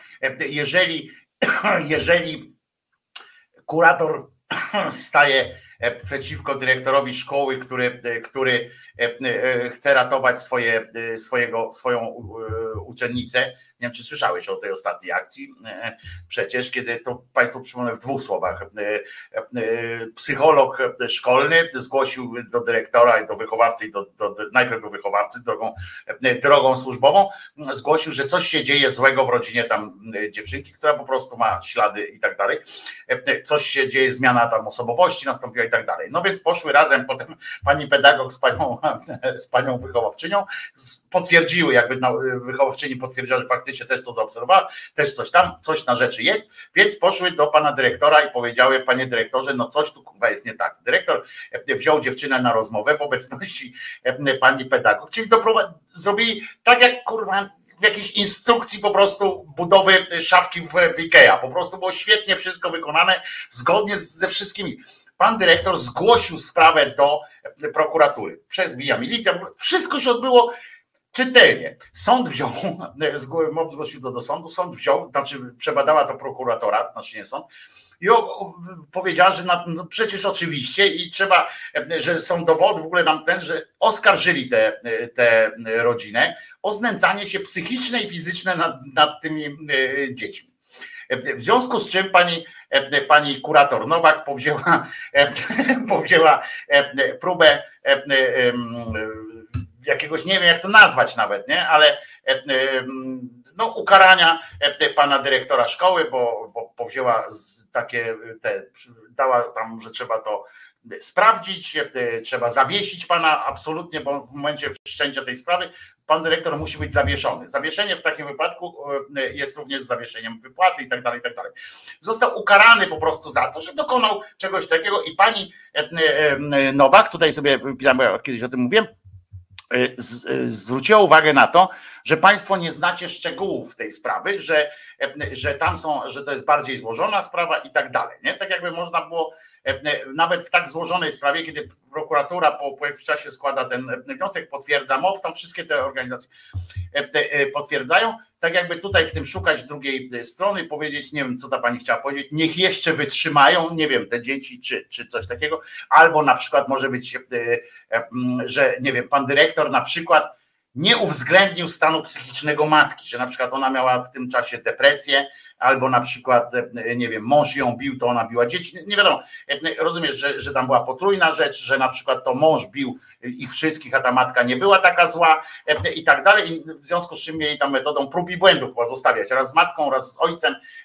Tak powinno być chyba zrobione i zobaczyć, gdzie, gdzie bardziej puchnie, tak? Że matka miała spać od lewej, ojciec od prawej, gdzie bardziej puchnie, tam wtedy zdecydować. Nie ma w takich sprawach po prostu, jak to lubi Hołownia mówić, trzeciej drogi. No tutaj Hołownią nie pojedziemy. No, po prostu, no przynajmniej trzeba zabezpieczyć i nie ma dyskusji po prostu. Dyrektor zrobił wszystko, bo dyrektor nie odebrał tego praw, praw rodzicom, nic nie zrobił. Dyrektor zgłosił właśnie po to, żeby nie musieć samemu wpadać tam w nocy, rozumiecie, do tej rodziny i lać się z jej ojcem czy z, z, z tą kobietą, nie? Żeby ich lać. No po prostu dokonał, a tak właśnie działa pani Nowak, która prawdopodobnie chodzi pewnie o to może, że ta, któraś z tych z tych, że matka albo ojciec może tam niosą baldachim nad biskupem na przykład. Nie? I to w związku z czym nie mogą być źli tak do końca, prawda? No, natomiast w ogóle to ta historia oczywiście jest straszna, a to jest takie standardowe działanie pani Nowak, bo właściwie jej aktywność się do tego sprowadza, żeby tam zawsze po stronie jakiegoś kata, czy po stronie jakiejś dyskryminacji stanąć, właśnie za kogoś tam obrazić, właśnie tam wyzywać kogoś tam, właśnie naobrażać tam na orientację seksualną, czy tożsamość płciową. W związku z tym, no to jest taki jakby też wzorcowy, bo kurator oświaty, no to się kojarzy podobnie jak ten rzecznik praw dziecka. No kurator oświaty, no to ma zadanie pomagać dzieciom, właśnie dbać o to, żeby to wszystko szło harmonijnie, żeby nie było przemocy, krzywdy, wykluczenia, żeby to dobrze działało, a ta jest takim otwarcie złym człowiekiem, taką czystą negacją swojej funkcji, taki antykurator, tak jak ten jest takim antyrzecznikiem. Kolejną moją taką gwiazdą, to już kiedyś była, ja muszę powiedzieć, że wtedy spadłem z krzesła, bo to taka perwa była. Mianowicie ja pamiętam, jak ogłosili w czasie, kiedy Polska była w awangardzie e, rasizmu e, wobec uchodźców, to Beata Kępa stała się ministrem do spraw uchodźców. I to była to, to ministrem, nawet nie wiceministrem, tylko ministrem do spraw uchodźców. Ona generalnie. Tak, Kępa, Beata Kępa, Tempa, Beata Kępa. Będzie piosenka, będzie piosenka. Tak. Broniła ona wtedy takiej tezy o tym, że, że, że ona pomaga na miejscu, co w ogóle było zupełnie bez sensu, bo Polska w ogóle nie pomagała na żadnym miejscu, zresztą na miejscu była wojna po prostu w Syrii. W związku z tym ja nie wiem, co ona miała na myśli, mówiąc o pomocy na miejscu, której zresztą Polska tam udzielała i cały czas udziela prawie najmniej całego świata. No ale Beata Kempa wtedy właśnie była ministrem do spraw uchodźców i pomocy humanitarnej, będąc jakby otwartą ksenofobką i rasistką wobec tychże uchodźców i nie udzielając żadnej pomocy humanitarnej. Więc to też taki przykład takiego jakby antystanowiska, że tak powiem. Ona tak właśnie płynnie z uśmiechem w ogóle na twarzy. I jeszcze czwarty mój, to akurat trwa to teraz, mianowicie Jacek Ozdoba jako wiceminister do spraw klimatu i środowiska, to znaczy, że w ogóle, że u nich jest takie ministerstwo już samo w sobie jest perwersyjne, no bo oni przecież uważają, że de facto jakby klimat i środowisko właśnie nie istnieją jako takie, czy przynajmniej nic się z nimi nie dzieje, że jak, a, jak, a, jak, a jak ktoś uważa, że coś się dzieje, no to oni walczą, że to jest w ogóle jakaś lewacka propaganda i gender, nie? Więc w ogóle to, że, że, że, że jest coś takiego jak Ministerstwo do Spraw Klimatu i Środowiska już jest samo swoje perwersją w tym rządzie, a że jeszcze taki Jacek Ozdoba jest tutaj e, na stanowisku, to znaczy, oni w ogóle fajnie, oni w ogóle fajnie, e, e, e, fajnie dopasowują tych ministrów różnych, nie? Tam, bo oni mają, oni mają tyle tych ministrów, wiceministrów. Przypomnę, że, e, że jest do przynajmniej do wczoraj to, to mogło ulec zmianie jakiś tam 113 e, e, wiceministrów, rozumiecie? E, ilu jest tam podsekretarzy i sekretarzy stanu, to najstarsi górale są w stanie zliczyć, bo tylu sosen nie ma pewnie w, w lesie, w górach, co może dlatego jest coraz mniej tych drzew, ale, ale rozumiecie, tam jest 113 wiceministrów, to jest w ogóle jakaś, jakaś, jakiś kuriozum, albo jak mówi Piotrek, perwa e, i to taka na, na, na maksa i oni, oni świetnie dobierają tych w ogóle, poza tym, że e, prawdopodobnie tam wchodzą jakieś takie typowo takie koleżeńskie układy, nie? Bo skoro z jednego dnia tam przerzucają gościa, z ministr, będziesz sekretarzem stanu w, w rolnictwie, teraz a idź do kultury, e, tam coś tam.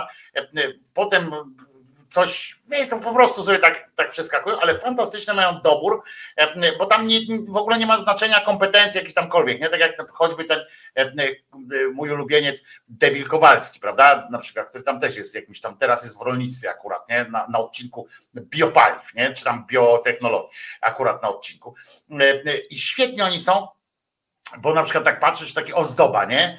I wyobraź, koleś nie ma nic wspólnego z, w ogóle z ochroną, z, wiesz, przyrody, w ogóle nie ma nic, nic, nie ma znaczenia w ogóle jego ten.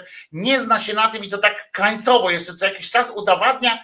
Oni mają tak, budzi się w nich jakaś taka konieczność, E, zaprezentowania swojej ignorancji.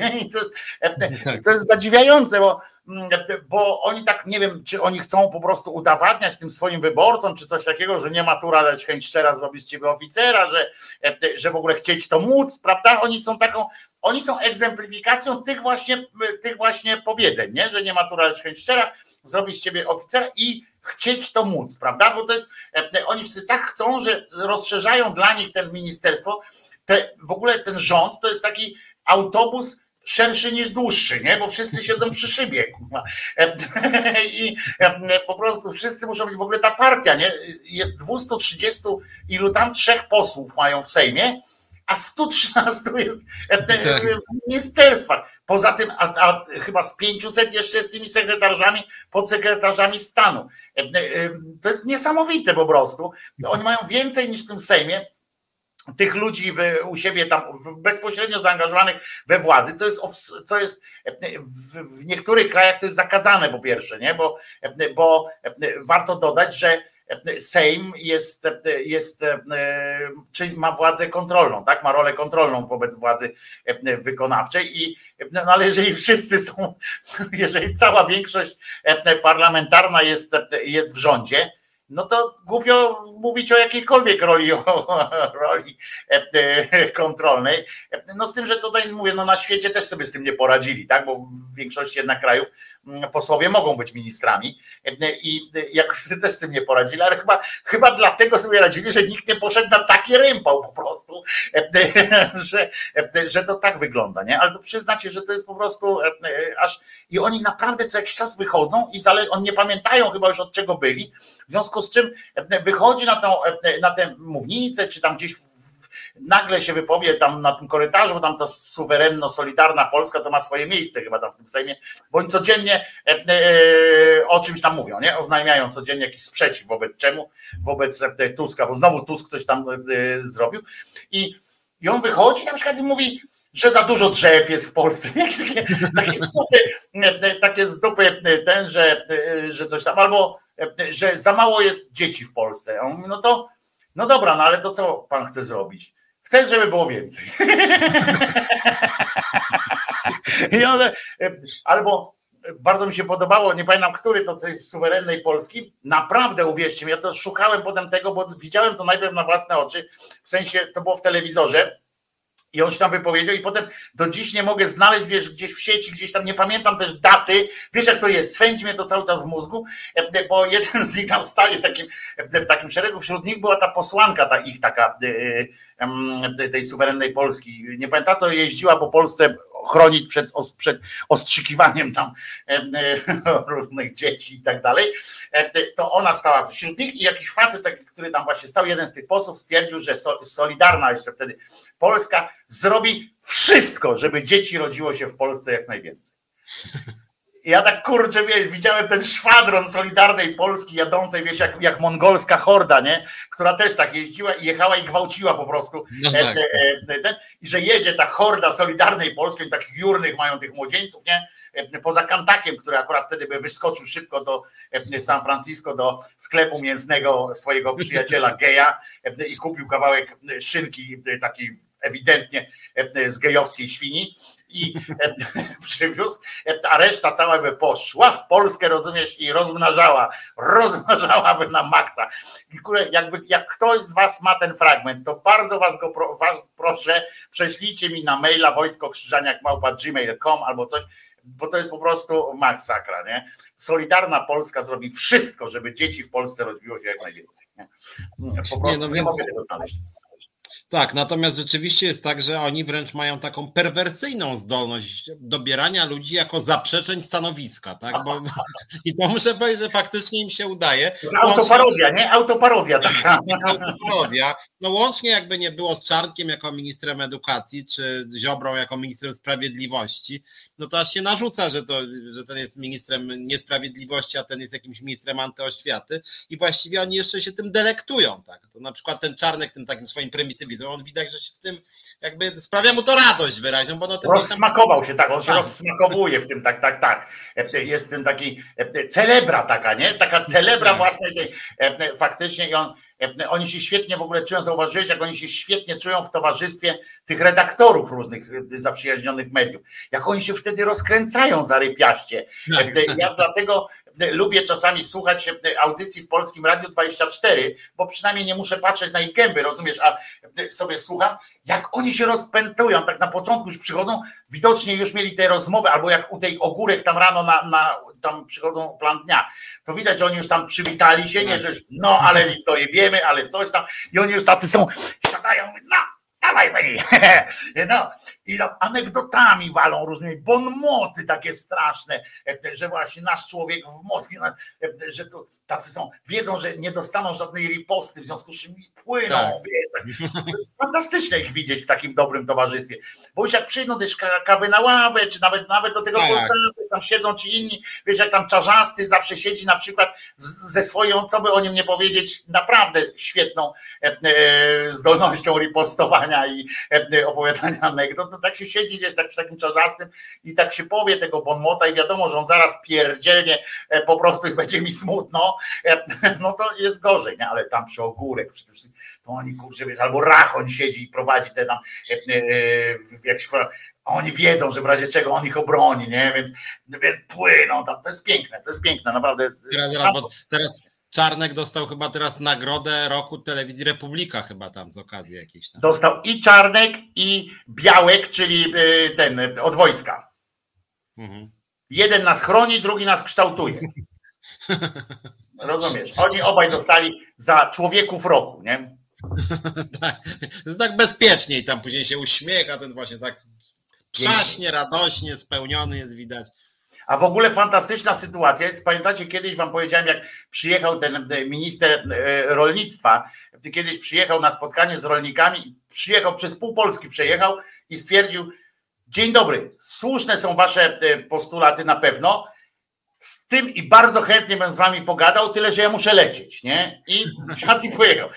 Bardzo mi się podobało i Podobną metodę zastosował Błaszczak właśnie, przychodząc na komisję, na której komisja zażądała, żeby przyszedł on i tam ten wojskowy, nie? żeby uzgodnić, kto kłamał generalnie. Nie? I o co chodzi? No i dlaczego ten pocisk przez pół Polski przeleciał, spadł i go nikt nie szukał. Nie?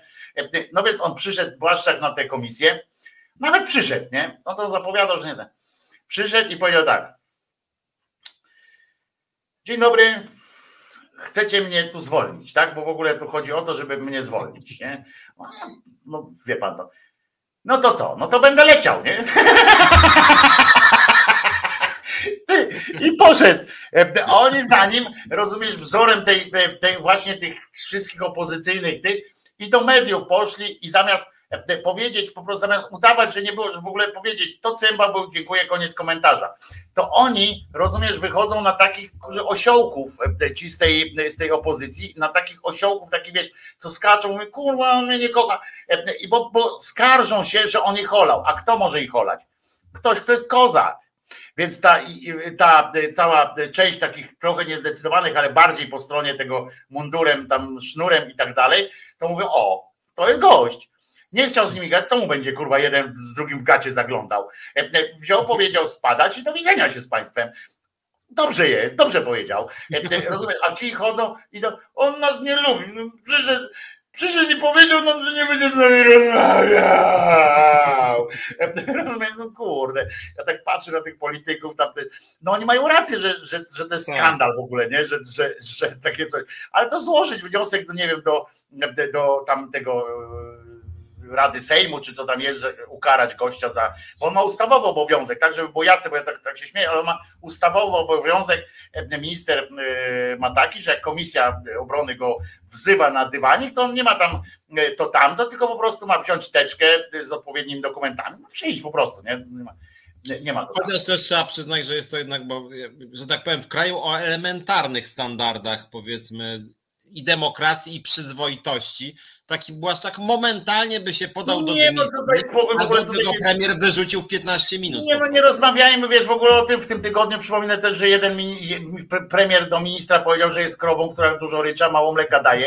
E, e, przypomnę, że Morawiecki tak nazwał e, Ziobrę i też nie ma żadnych konsekwencji. A Ziobro mu powiedział, że jak chce, to może mu coś tam powiedzieć do suchu.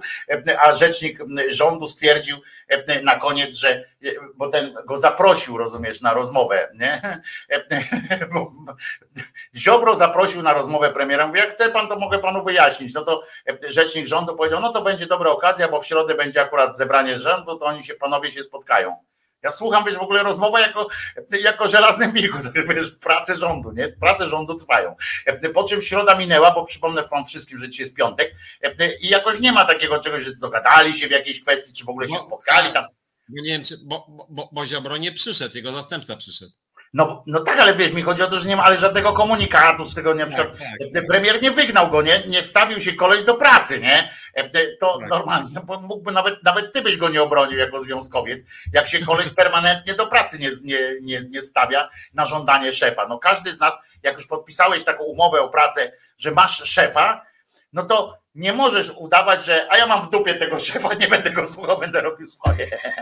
No to już tak jest. No i nawet Piotruś was nie wyciągnie e, z tej, z takiej e, dupy. Dziękuję wam wszystkim. Piotrze, tobie dziękuję za miło, e, fajnie spędzony. Dziękuję wam, drodzy moi, za również ognistą dyskusję co jakiś czas. Bardzo lubię, że możemy ze sobą porozmawiać, bo to jest fajne i możemy się na siebie nie obrazić.